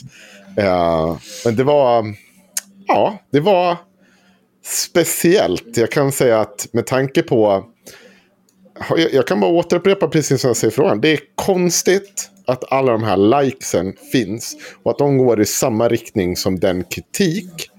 Eller, så- man kan säga det på två sätt. Jag tycker att alla hans dokumentärer vinklar till fördel för NMR Dan Park till de här konspirationsteorierna. Ja. Men man kan också säga att den kritik han har fått mot sig är att alla de här äh, dokumentärerna har varit vinklade till fördel för NMR eh, äh, konspirationsteorin Dan Park. Och det konstiga här nu då, det är att hans likes hela tiden korsas med det här. Det är det jag tycker inte han ger ett bra och fullgott svar på. Det är nästan som Ja. att han utger dokumentärer som speglar sina egna åsikter. Ja, det är... jag säger inte... Jag, nu, Alltså, det, känns, han, det känns ju i alla fall som att han har lite problem med objektiviteten när han gör dokumentärer. Det, det kan ju vara... Eh, det kan ju bero på inkompetens lika mycket som ondska. Vem är det nu som vänder från illvilja till dumhet, Axel? Nej, men jag, jag vill bara vara motvalls. Ja, nu när jag vänder mig till illvilja. Okej, ja absolut. Och- och här precis kan vi aldrig vara vänner. Han säger, han säger ju själv att han inte har några högerextrema åsikter. Eh, Och, och, nej, det jag kan ju inte bevisa någonting annat. Jag kan bara bevisa att du, det är väldigt många konstiga likes du gör. Varför sitter du i lika Beshira Banis jävla psykotiska dravel? Liksom, varför sitter du och likar när Ingrid Carlqvist gör rekryteringar till det fria Sverige? Liksom med Magnus Söderman i spetsen. Det är inte lite det är jävla nazister vi pratar om här. Och, och hade det varit en eller två, eller om vi säger att det bara hade kretsat kring NMR, som man faktiskt, och Dan Park, för den delen. Till viss del hade jag jag tyckte väldigt udda metod. Ja, liksom låtsas kompisar med någon genom att trycka alla. Jag jag, men, men det är för mycket. Det är för mycket och det är för långt utanför det han har bevakat. Så att... Eh, Och det är väl för långt efter att han har gjort med det där. ja, det, Haft med den Ja. mässan att göra också. ja, ja. Gud, Men det hade ju var också varit redan- en grej om, om man gjorde det här och likade i, i så som du sa att det ska vara så här fake like för att man ska låtsas vara kompis Ja. eller någonting och sen gjorde en dokumentär där han verkligen sågade dem. Men det är ju inte fallet utan han har gjort Nej. en väldigt nazistvurmande dokumentär eller två. Ja, ja. Det är i alla fall det han har fått kritik för. Och jag tycker man ser samma som med det här Stefan Dorssell. Att han, det, det, det är ju de här teorierna som återfinns. Det är, det är en tydlig ställningstagande i min mening. Det är vad det är. Jag, jag kan inte se det på ett annat sätt. Men det får väl omvärlden avgöra. De får lyft, lyfta ur vårt eget tyckande och tänkande och säga vad de tycker om det här. Nu har vi i alla fall gett dem fucking tre och en halv timme fantastisk Det- eh, högläsning, skulle jag säga. Två och en halv timme. Men- Två och en halv, två och en halv, Det, det känns ju också jävligt konstigt att den har vunnit Stora Journalistpriset när allting är bara återanvänt material förutom den här sista dykningen där han inte ens tar med hela. Nej, och det, där är de återkommande skyller de ju på det här att ja, men han har ju fått folk att reagera. Jo, fast vadå? Det, jag, sa, jag liknade det så här. Alltså, vet ni vad? Dan Brown, när han gör äh, Änglar och Demoner, är det, va? du vet när han ränner runt och letar, eller hela graalen, vilken fan är det när han... Det är han får alla ju liksom- Ja, Och demoner, Da Vinci-koden, det är Da. Vinci-koden, sa jag. Ja, Da Vinci-koden. Då får han ju typ halva liksom, Europa och flinga runt och semestra i olika katedraler och skit för att de ska gå liksom, i fotspår. För att de tror att den här boken är sann. Det, det är en skickligt berättad historia med fragment av sanningar. Eller i alla fall upplevelser. Men har han verkligen, alltså så här, är, är det verkligen det man ska belönas för som journalist? Eller ska man belönas för att man faktiskt har gjort ett avslöjande? Det, det är ju liksom så här, det är ju bedrövligt att så många människor som sitter i tystnad, som kanske inte har plattformen, som vi liksom vi är klara med det här. Vi Alltså- tror inte att det är en stor konspiration. Och liksom mina anhöriga ligger där på botten. Och du har bara åkt och brutit den gravfriden. Och det enda du presenterar är att du hittat ett hål. Du kan inte förklara det på ett rimligt sätt. Eller det rimligaste sättet att förklara det är att det var någon annan som sa det också att bogvisir, precis som den här killen säger, att det flyter och han ser det flyta förbi. Det kan ju också ha slagit i sidan. Det kan ju också ha, vara en sån sak. Det är inte en orimlig förklaring. Men det finns bra många jävla rimligare förklaringar innan du börjar nosa på en vit katamaranubåt som backar och kör i kapp Estonia och kör in i det två gånger. Nu överdriver vi såklart det. Men, Nej, men det är ju, det är ju, Ja. det, de körde bara in en gång. Det är ju därför de tog med sig katamaranubåten. ja, En förlåt, vanlig ubåt körde in två gånger. Eller en katamaranubåt en gång. Så, ja. Nej, men, så att han, jag tycker det är sjukt. Jag tror ju att under den här våren som kommer nu, framförallt när de kommer bestämma att det, det har inte framkommit något nytt, vi kan inte göra hålla på så här. Nu får det vara slut på det här. Ja, då tror jag att det, då kommer man ju börja bli tvungen att diskutera vad har den här jävla stollen gjort egentligen. Då har ju han bara brutit mot gravfriden. För att han inte kan liksom finnas i att det här är konspirationsteorier. Och det är ju helt, då, är det, då ska ju fan killen straffas och ingenting annat. Han ska inte hyllas. Och då kommer ju Stora Journalistpriset få diskutera vad fan är det för jävla lallare vi släpper in. Och vet ni vad jag tänker mest om allt det här? Det här är inte...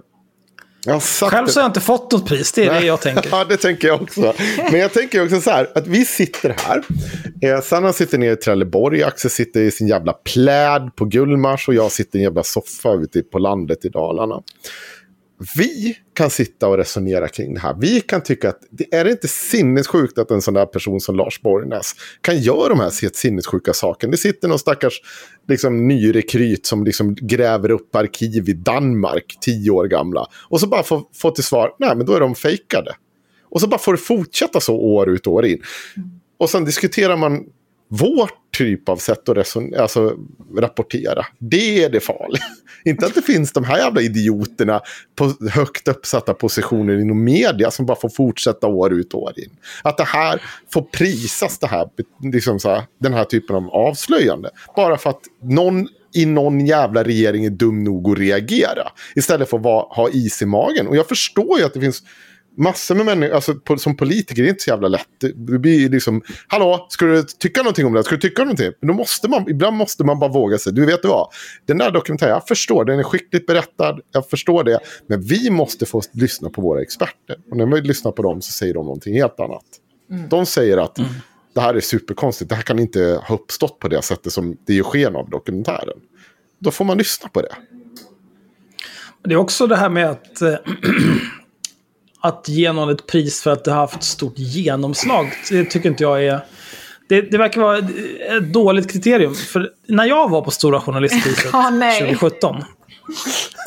Eh, jag hade ju kunnat sätta mig på bordet istället för att bara äta, eh, äta min mat. Eh, känna föraktfulla blickar från Paulina Neuding. Jag hade ju kunnat sätta mig på bordet och bara bajsa. Eh, och det hade säkert fått stort genomslag, men det hade ju fortfarande också varit objektivt dåligt för alla inblandade. Ja. Ja. Så liksom genomslag, vad fan bryr Nej, sig? men alltså jag vet ju inte. Det här med journalistik är inte min grej. Men jag kan väl tänka mig att det kan vara ett kriterium för, för att få Stora Journalistpriset. Men då måste man ju kanske också kolla på vad det är som har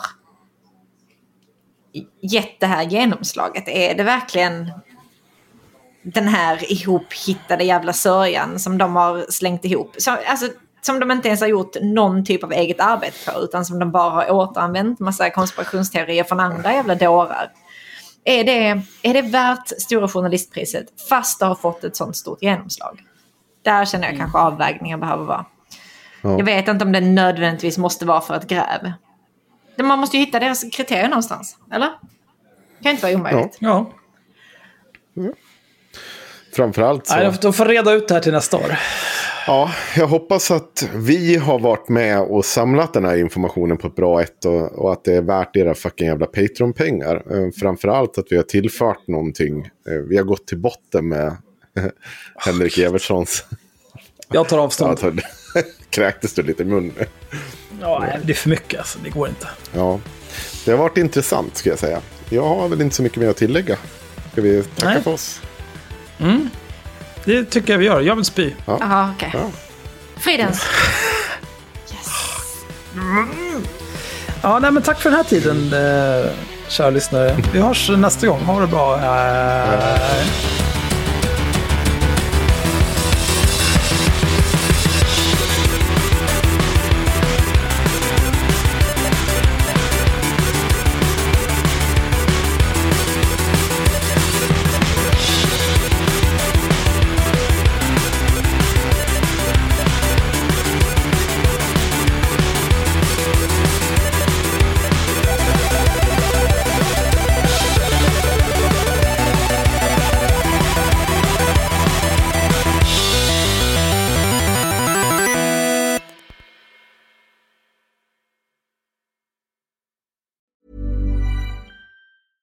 Want flexibility? Take yoga. Want flexibility with your health insurance? Check out United Healthcare Insurance Plans. Underwritten by Golden Rule Insurance Company, they offer flexible, budget friendly medical, dental, and vision coverage that may be right for you. More at uh1.com.